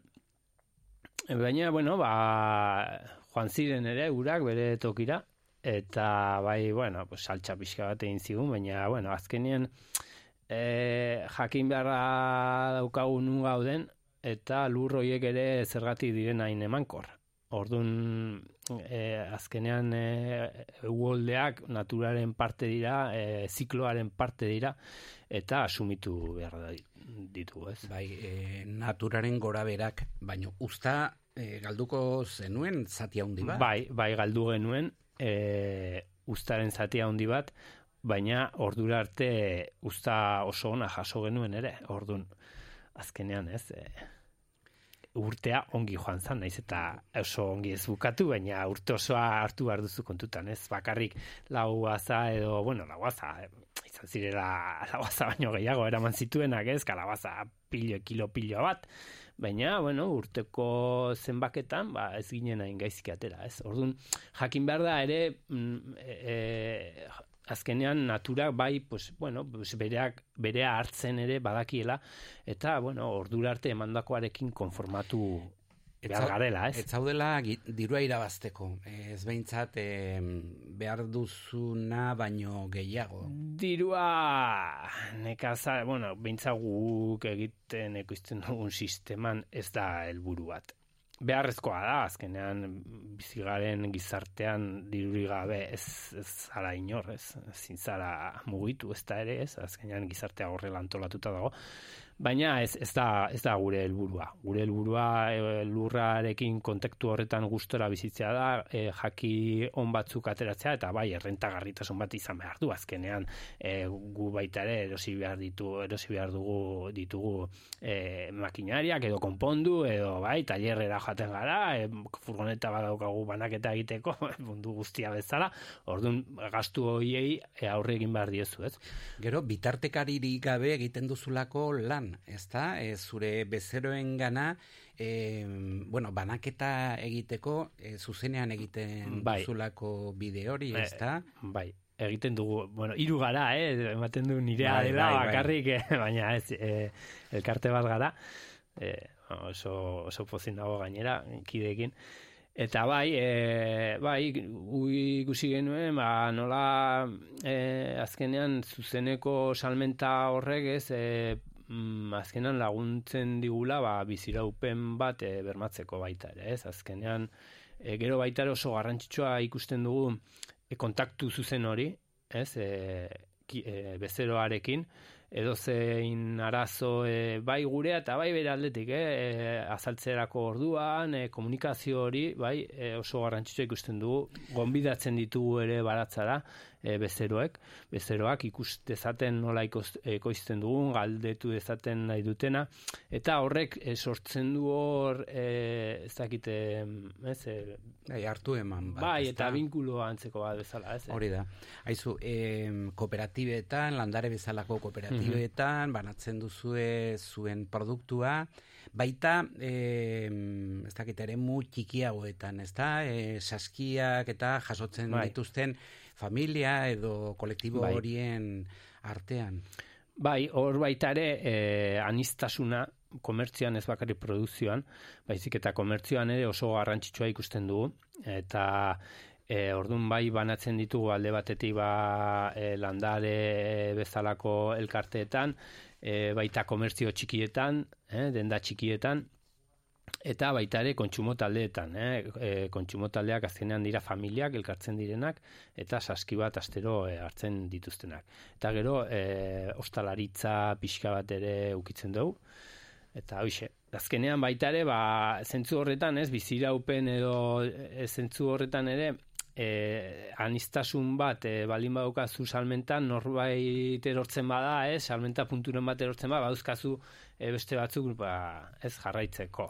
Aizu, e, aurrekoan esaten zenidan elkarrizketa prestatzen, e, bai, pikin batean e, garesti xeagoa izan daiteke ekologikoa, baina gero irabazten duzu esate baterako bakoitzaren osasunean, ez? E, hor ez duzula galtzen osasunik, e, Hori da, azkenean, a, e, bizi gara gizarte batean, mm, dana ez, prisma ekonomiko batetik ez, begiratzen dugun, eta e, azkenean, bos, e, ni galdetzen du, ba, bueno, ba, kontuetan, errentagarritasun kontuetan, edo eta prezio garesti bai ez kontu horretan, ez, e, galdetuko nukea zenbat e, balio duen e, osasuna eukitzea edo ez, edo lur e, mankor bat, edo lur erre bat eukitzea edo ez, edo ura e, ez, e, zea garbia eukitzea e, gure iturrietan edo ez, horrek zenbat balio du. hortxe galdera eta erantzuna badaukazu, ezta? Ba, ez daka preziorik. ez daka preziorik. Bueno, aizu, e, ferietan eta ibiltzen zara, hortxe karriketan eta hor rastroak eta badaude iruña iruñerrian. Bai, ez, e, normalean, bueno, bai ibili izan nintzela orain dela urte asko landa benen eta, baina erabaki nuen, ba, ez, ez ibiltzea, ba, batez ere, ba, produktu freskoarekin oso zaila delako, e, zea, azkenean zu mozten dituzu letxuga, mozten duzu, bai, e, edo zein produktu, eta ez baduzu saltzen, ez, pues, galtzeko arriskoa handia dauka egun batetik bestera. Orduan guk mozten dugu bakarrik, e, ja, es, e, bermatua daukagunean salmenta. Haizu, e, mutiloa behiten bizi zinenean eta gaztetxoa zinenean eta aldezarrera e, garagardo batzuk eta bestelakoak hartzera igotzen zinenean, nork esango zizun e, gero bida horretara joanen zinela, ez da, e, nekazari. Ba, egia esan, bai, bai, ez nuka nola programatu hasta gutxiago ere. Baina tira, Bueno, ai, ezu, oso ongi, ba, plazera izan da zurekin hitz egitea, e, beste egun batean hitz egin beharko genuke laguntzez, ezta? Nafarroko gobernuak zenbateraino babesten duen e, zu bezalako profila daukaten nekazariak, e, intensiboen alde egiten ote duten em, apustu handiagoa, Europako diru laguntzak, eta, bueno, horiek guztiak beste egun baterako, baina muturra hartzen didazu, ezta? Hori gehiago landu behar dela. E, Mila esker haunitz, e, jakin dut, zure ama ileapaindegi batean Ai, ba. ibiltzen zela, pe pelukera, ezta? Bai, bai. Be bertara joateko asmori dakoazu, bai ala ez. Jode, ba... ez Nik da- behintzatez. ba, aitortuko dizut, eh, ni neu mozten dudala. Ah, bai, hori ere, hori ez dakit ama odolean eramaten dudan, edo ez? Ama eta arreba, orain arreba, eramaten du pelukeria, beti begiretzen daute, hola, begi txarrekin. Aizu, baino etxean daukazu eh, gratis, gainera. ja, baina ez dakit afizia hartu diot, edo. Bai, bi ispilo dituzu arre, aurrean eta atzean, ezta? Bai, bueno, hilek iskurra daukat ordu nahiko erresa da. Eh. Bai, bueno, oso, letxuak mozteko guraiz horiek ez dituzu erabiltzen Ez, bintzat. ez, ez, ez, ez, azkatea, profesionalagoak. Bueno, oso ongi. Mila esker honiz gurekin izateagatik, eh, bida horretako nekazari ekologiko aingeru eta barraio eta ongi izan. Vale, esketik asko zuei, jo.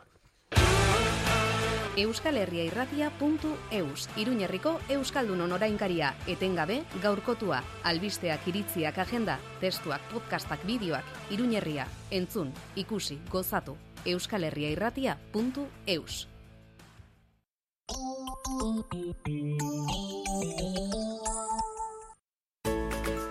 Karrikiri kantolatuta nano antzerkiaroa, martxoaren hogeita lauan osteguna zazpiterrietan, karrikiri elkartean gorputz antzerkia eta komedia Xavier Artiedarekin. Sarrerak salgai karrikirin iru eurotan eta lau sarreren bonoa amar eurotan nano antzerkiaroa, Iruñeko udalak Nafarroko gobernuak eta Eusko Jaurlaritzak babestuta. Karrikiri, Iruñeko Euskaldunon topagunea Xavier Karrika lau. Irurteren ondoren bueltan da Doktor Deseo maketoen iraultzarekin. Martxoaren hogeita zeian tote maretoan izango da Francis bere taldearekin. Ez galdu aukera, sarrerak salgai, salatoten.comen. Iluntzero argia Noainen, Serreria Espartza. Zurdindegi eta ebanisterietarako hornikuntza. Altzariak, eskailerak eta upelak egiteko askotariko zura. Gaztainondoa, gereziondoa, lizarra, informazio gehiago serreriaesparza.com webunean. Gure berezitasuna, aritza. Gero eta gertuago gaude rural kutxan. Garrantzitsua da elkarrekin azten eta aurrera egiten jarraitzea. Amets egiteari ez usteko, betikoak izaten jarraitzen dugu. Horregatik, gertu egotea gustatzen zaigu. Beti.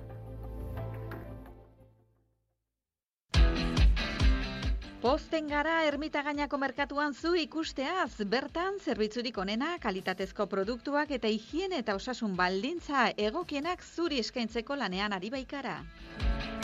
Baina nahiago baduzu erosketak etxera eramatea, deitu 6 lau lau, bost bat bederatzi bost, 6 bederatzi telefonora, edo sartu merkadoenkasa.es webgunean eta esaiguzu zer nahi duzun eramatea. Ermitagainako azoka beti zurekin, Nafarroako gobernuaren diru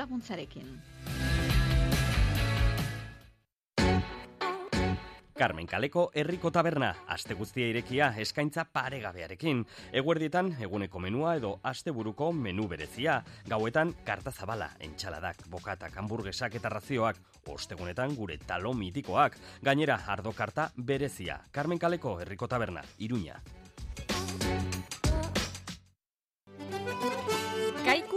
Kooperatiba. Gertutasuna, etxetik edo ustiategitik bertatik ekoizle guztien esnea jasotzen da, txikiak naiz handiak izan. Kaiku kooperatiba gara. Azken aldian albiste txarrak baino ez ditugu entzuten, baina honak ere behar ditugu gure osasunerako. Guk albiste ona eman nahi dizugu. Aurten amabi urte bete ditugu. Amabi urte erleek ematen dizkiguten produktu ez gozatzen. Kalitate goreneko eztia, erregina gelea, polena eta propolia eskaintzen. Eskerrik asko zuri bezero, urte hauetako konfiantza eta babesagatik. La Colmena, Hilarion Eslabakalea, iru. Interneten lacolmenatayuda.com.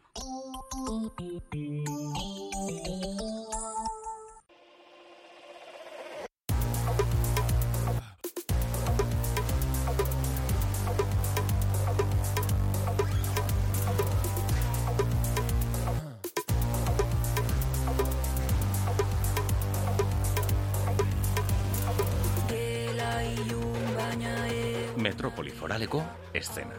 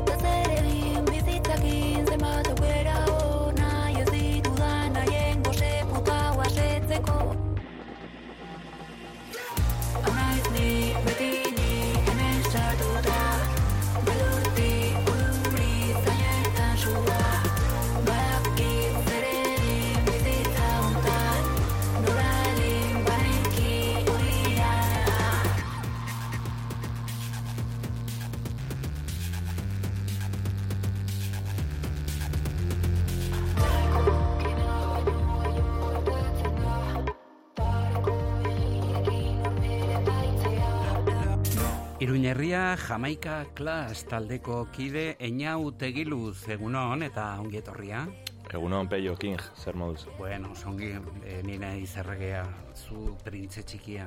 Ni ez naiz ezer oraindik Peio. Bai, bai, bai, noski baietz, gurean behintzat kolaboratzaile premium. Plazero bat beti bezala da. Bueno, entzuten ari garena, Merina Gris, hain zuzen ere. Hori da, Merina Gris, eh, bueno, nik uste orain dela gutxi lagun batek esan zidan Merina Gris eh, klabea dela orain ba ez dakit Euskal Herriko musikan edo. O, aizu, hor badira neskak eh, kantatzen. Eh, bai, eta... Beharko lukete agian Merina Girls. Merina Girls. Eh, bueno, Euskal Herri erratian batzutan badira Merina Bai, Girls. bai, bai. Eta hori, esan zidan lagun bate, ba, klabea da Merina Gris Euskal Herriko ez dakit panorama aktualean edo, eta bueno, ados nago horrekin. E, orain entzuten ari duguna bestia hemen orain, e, atera duten azken diskan, eta, bueno, gaur ez dut urra asko eman nahi, peio orduan igual, igo musika. Igo musika.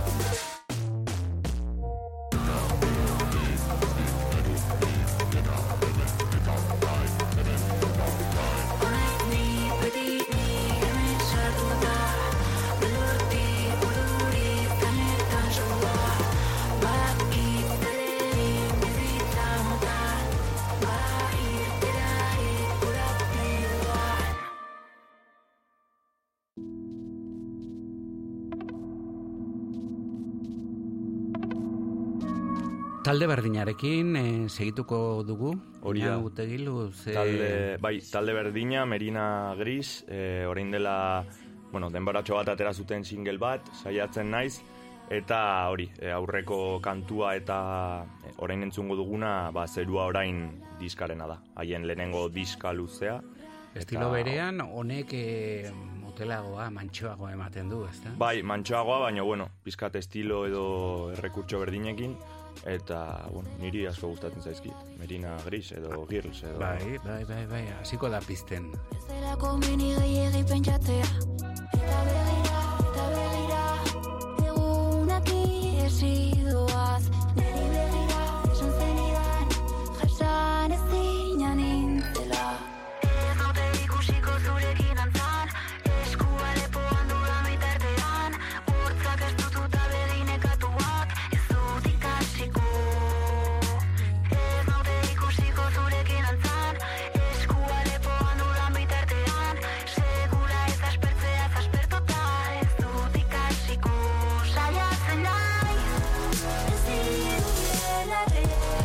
Kantari horrek eh, amets, eh, amets deitzen da, ez?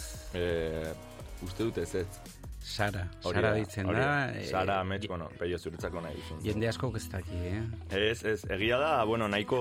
Amets egin dut, eh, Sara ditzen dela, Vale, eta zozoaia duela bizena. Bale, hori da.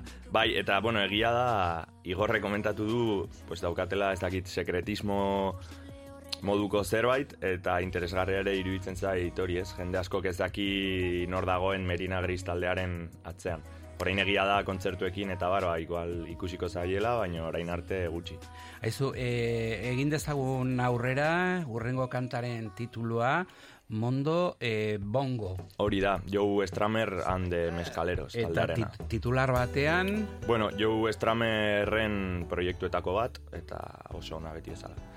Nik hori ere esan dezaket. Bai, eta Igorrek segurazki ere bai. Beste zerbait gehiago, Abesti bat, bueno, e, Joe Stramer e, de Clash taldean egon zen, eta proiektu honek dauzka ba, soinu latino batzuk, eta, bueno, giro bat eman zion bere musikari, bueno, kuriosa iruditzen zait. Aizu, baino The Clash, laro geiko amarkadako taldea, taldea da, dagoeneko, ez dakit, e, laro gehi urte izango ditu. E, ba, a ber, igual me la tiro, baina Joe Stramer nik uste ez dela bizitzen, ez, orain. Ah, Igual, izan, izan, igual lapsus bat izan da nire buruan, baina nik uste zen dutzela orain dela urte batzuk, 2003 edo, izan Bueno. daiteke Igor.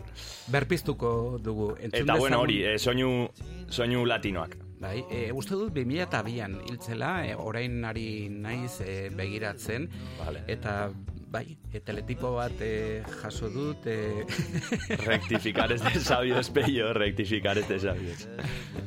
Mundo bongo. Aizu,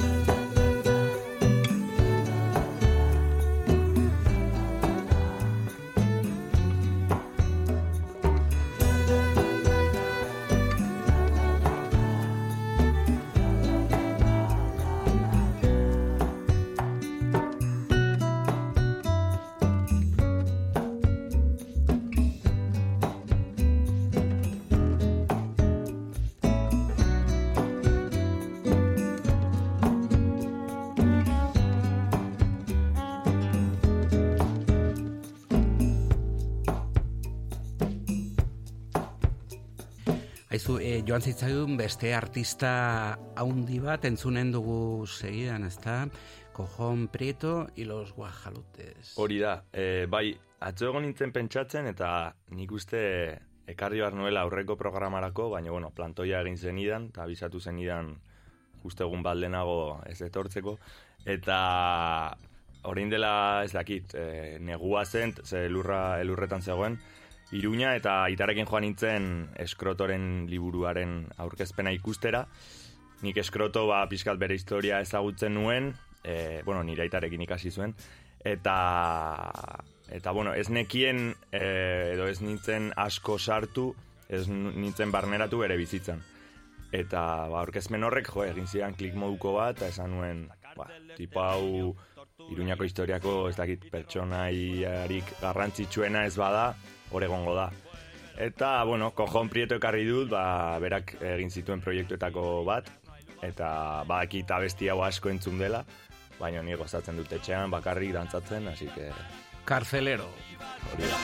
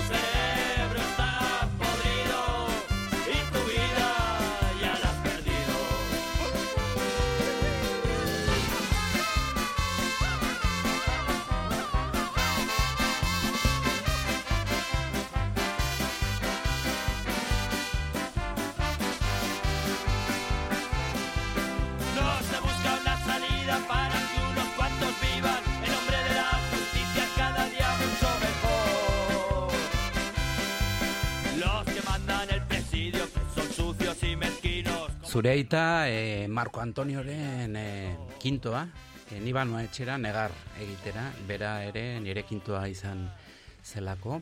Aizu, gainera, eh, ikasi zuten toki berean, salestarren eh, eskola horretan, ezta? Hori da, bai, ez ba naiz okertzen FPA, ez, da, ez naiz gogoratzen orainea elektronika zen edo olako zerbait.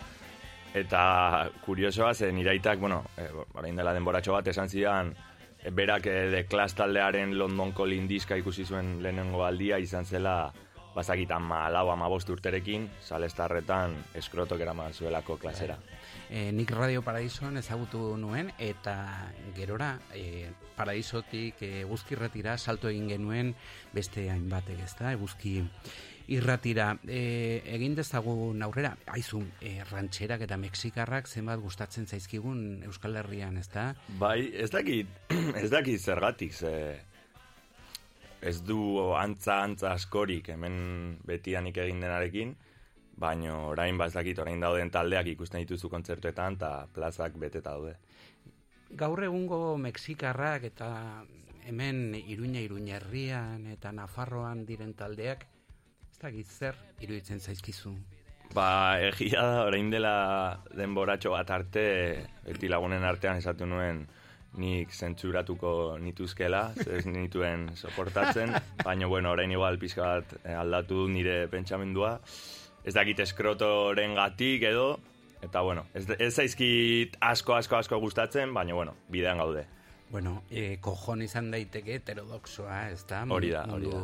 Honetan, eta heterodoxia maite duzu. Asko, asko, egunero gainera. Egunero, egunero e, jeikitzen zarenetik, e, infusioak e, argentinarrak hartzen dituzulako. E, batzutan bai, eta bueno, gaur ez dut gozalduz e, Euskal Herria irratian, ba, bueno, oso goiz egiten diate etortzen, baina Bai. arazori gabe peio hemen gustora. Bai, mate infusioak bereziki hartzen dituzu. Batzutan ez igual egunero, baina bueno, matea hartzea gustatzen zait eta eta hori. Mate- Oso er, erlazionatuta kojon prietorekin, ez da peio. Bai, eta futbolariekin, eta... Ere bai. Ikusi zenuen Tximi Abila berritu Ez. dutela. Eta zer iruditu zaizu hori? Zuk eh, futbola ere maite, maite duzulako? Bai, ba bueno, ez dakit, ez dut komentario askorik Tximi Abilaren inguruan. No comment. Tatuaje bat daukat eh, bihotzean eta eta ja ez da. Baina golak berak sartzen ditu. Golak sartzen baditu, bueno, isiluko gara, ez baditu sartzen... Bai. Gaizki, gaizki. Bai, hor dago ataria, ez da? Bai, hori da. Esanen diogu. Hori da. Oso ongi, haizu, ba, egin dezagun dugu hori da. aurrera, bestelako taldeak entzunen ditugu, karzelero kanta, alde batera utzita, e, bide beretik agian eskalariak, e, trompeta asko eta bestelakoak e, eskalariak entzunen dugu, eta abestia erreinuaren moduan. Hori da. E, nahi bauzu igo pizka eta bestia, igual pizka txapa eman dugula, eta gero komentatuko dut zer zer.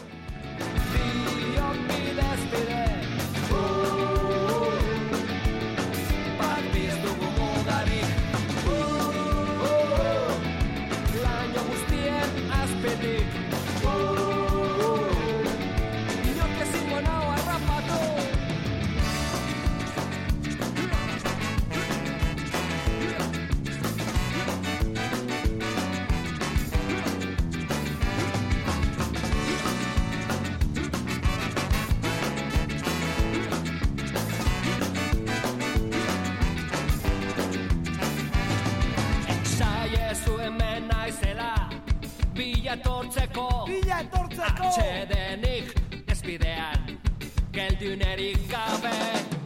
Gauta egun parnaizego Aurrera jotake.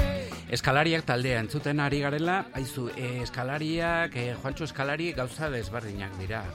Hori da, e, bai, eskalariak, e, bueno, e, talde iruindar bat da, e, ez dakit laro gehieta malaugarren urtean ustut hasi zutela haien ibilbidea, e, bost diska atera zituzten, eta, bueno, iruñako e, historia jamaikarrean edo e, funtseskoak izan dira, abesti, kriston abestiak atera dituzte, kultura egin dute eta jendea, ba, bueno, igual ez zegoen ohituta ba, erritmo jamaikarra hauek entzutera, haiek esaten dute ez, e, iruña ez heavy metal.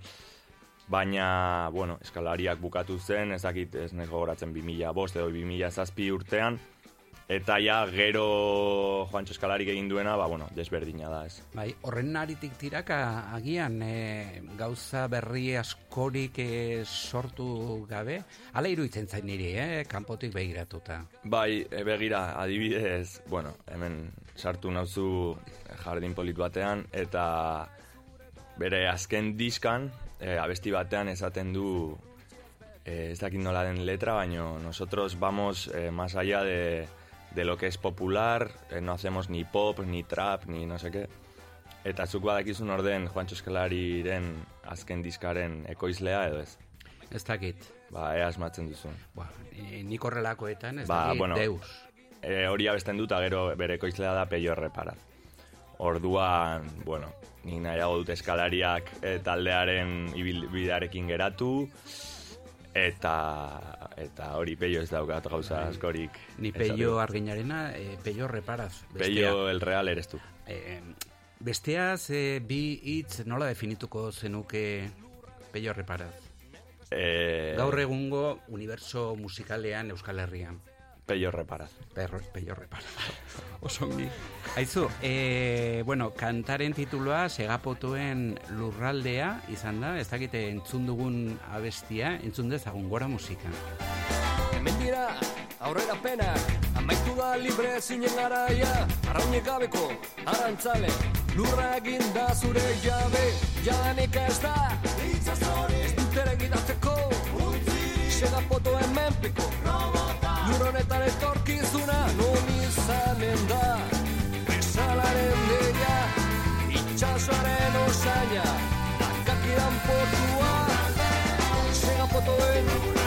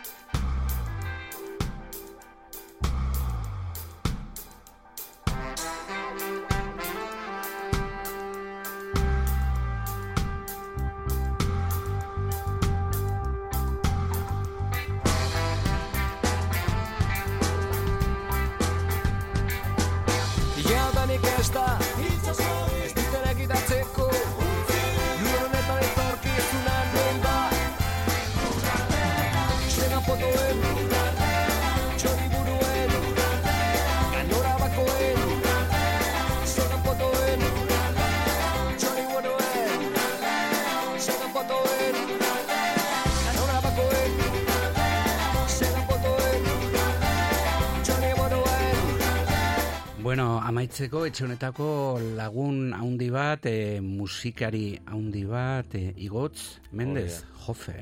Jofe, bai, bueno, ez dut asko azalduko baki zuen orden, nik ere bai, jendeak geroz eta gehiago bai. Bai, baina oroitarazi gure entzule horiei. Bai, Jofe, bueno, e, abeslari iruindar bat, e, amodioa diska aterako du Leister, e, atera du portada orain dela gutxi, eta ere nik uste klabea Euskal Herriko panorama aktualean, eta gero, bueno, igorrek esan du ere bukaeran e, beste abesti bat jarriko dugula, e, nik, bueno, esan behar dut, e, bi Euskal Herri ikusten ditudala nire buruan, bat e, joferena, eta bestea, pues, gero entzungo duguna, ez dakit, nahiko kaskarra edo,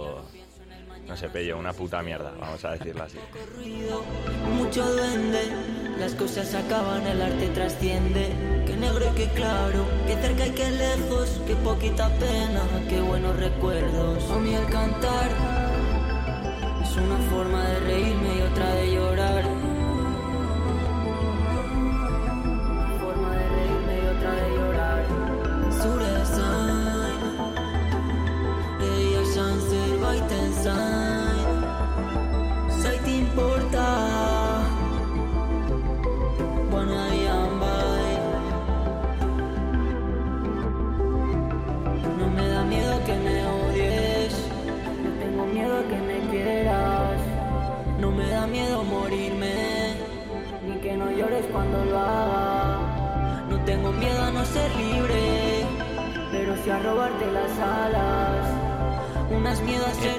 azenolako bideoklipak egiten dituen jofek, ezta? El cabrón lo hace guapo, bai. Bai. Aizu, amaitzeko, e, aurretik ere esan dugu gure lehenengo orduan Juan Cruzek eta eta igorrek e, aurkeztu dute kantua e, herri urratzen e, abestia, hain zuzen ere, e, jarraian entzunen dugu eta erritmo horiekin gure gaurko despedida kanta e, nola esan bitxia, ezta? Zuk Ze- zentsuratuko zenuke, peio. Bueno, e, nik igorrek, esa, nik igorrek esaten duena, igor. A ber, zentsura da oso hitz... Ez da- Ez dakit nora... Lei erabili. mordaza, Ni tio. orain nago ja morboaren zain, tio. Nik nahi dut Twitterren sartu eta ikusi que jendeak zer komentatzen duen. Ni nago horren esperoan, tio. Vale, ados, zurekin ados. Entzun pizka bat eta gero zure berediktoa. Ados.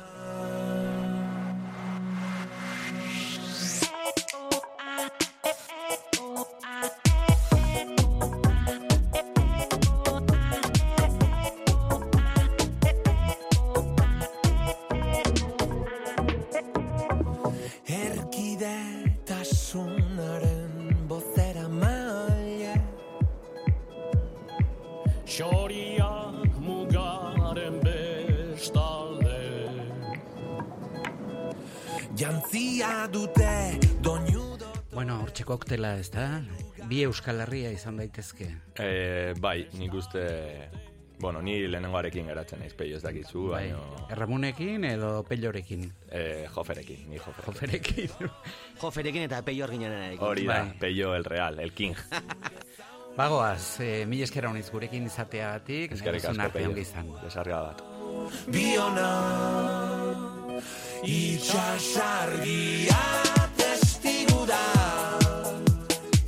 Bagoaz, bagoaz entzule, astelenean ere itzuliko gara berriz ere metropoli forala zeharkatzera eta gogoratu etxe honetan bertan informatiboa albistegia ordua eta terdietatik aurrera loizune amatriaren eskutik.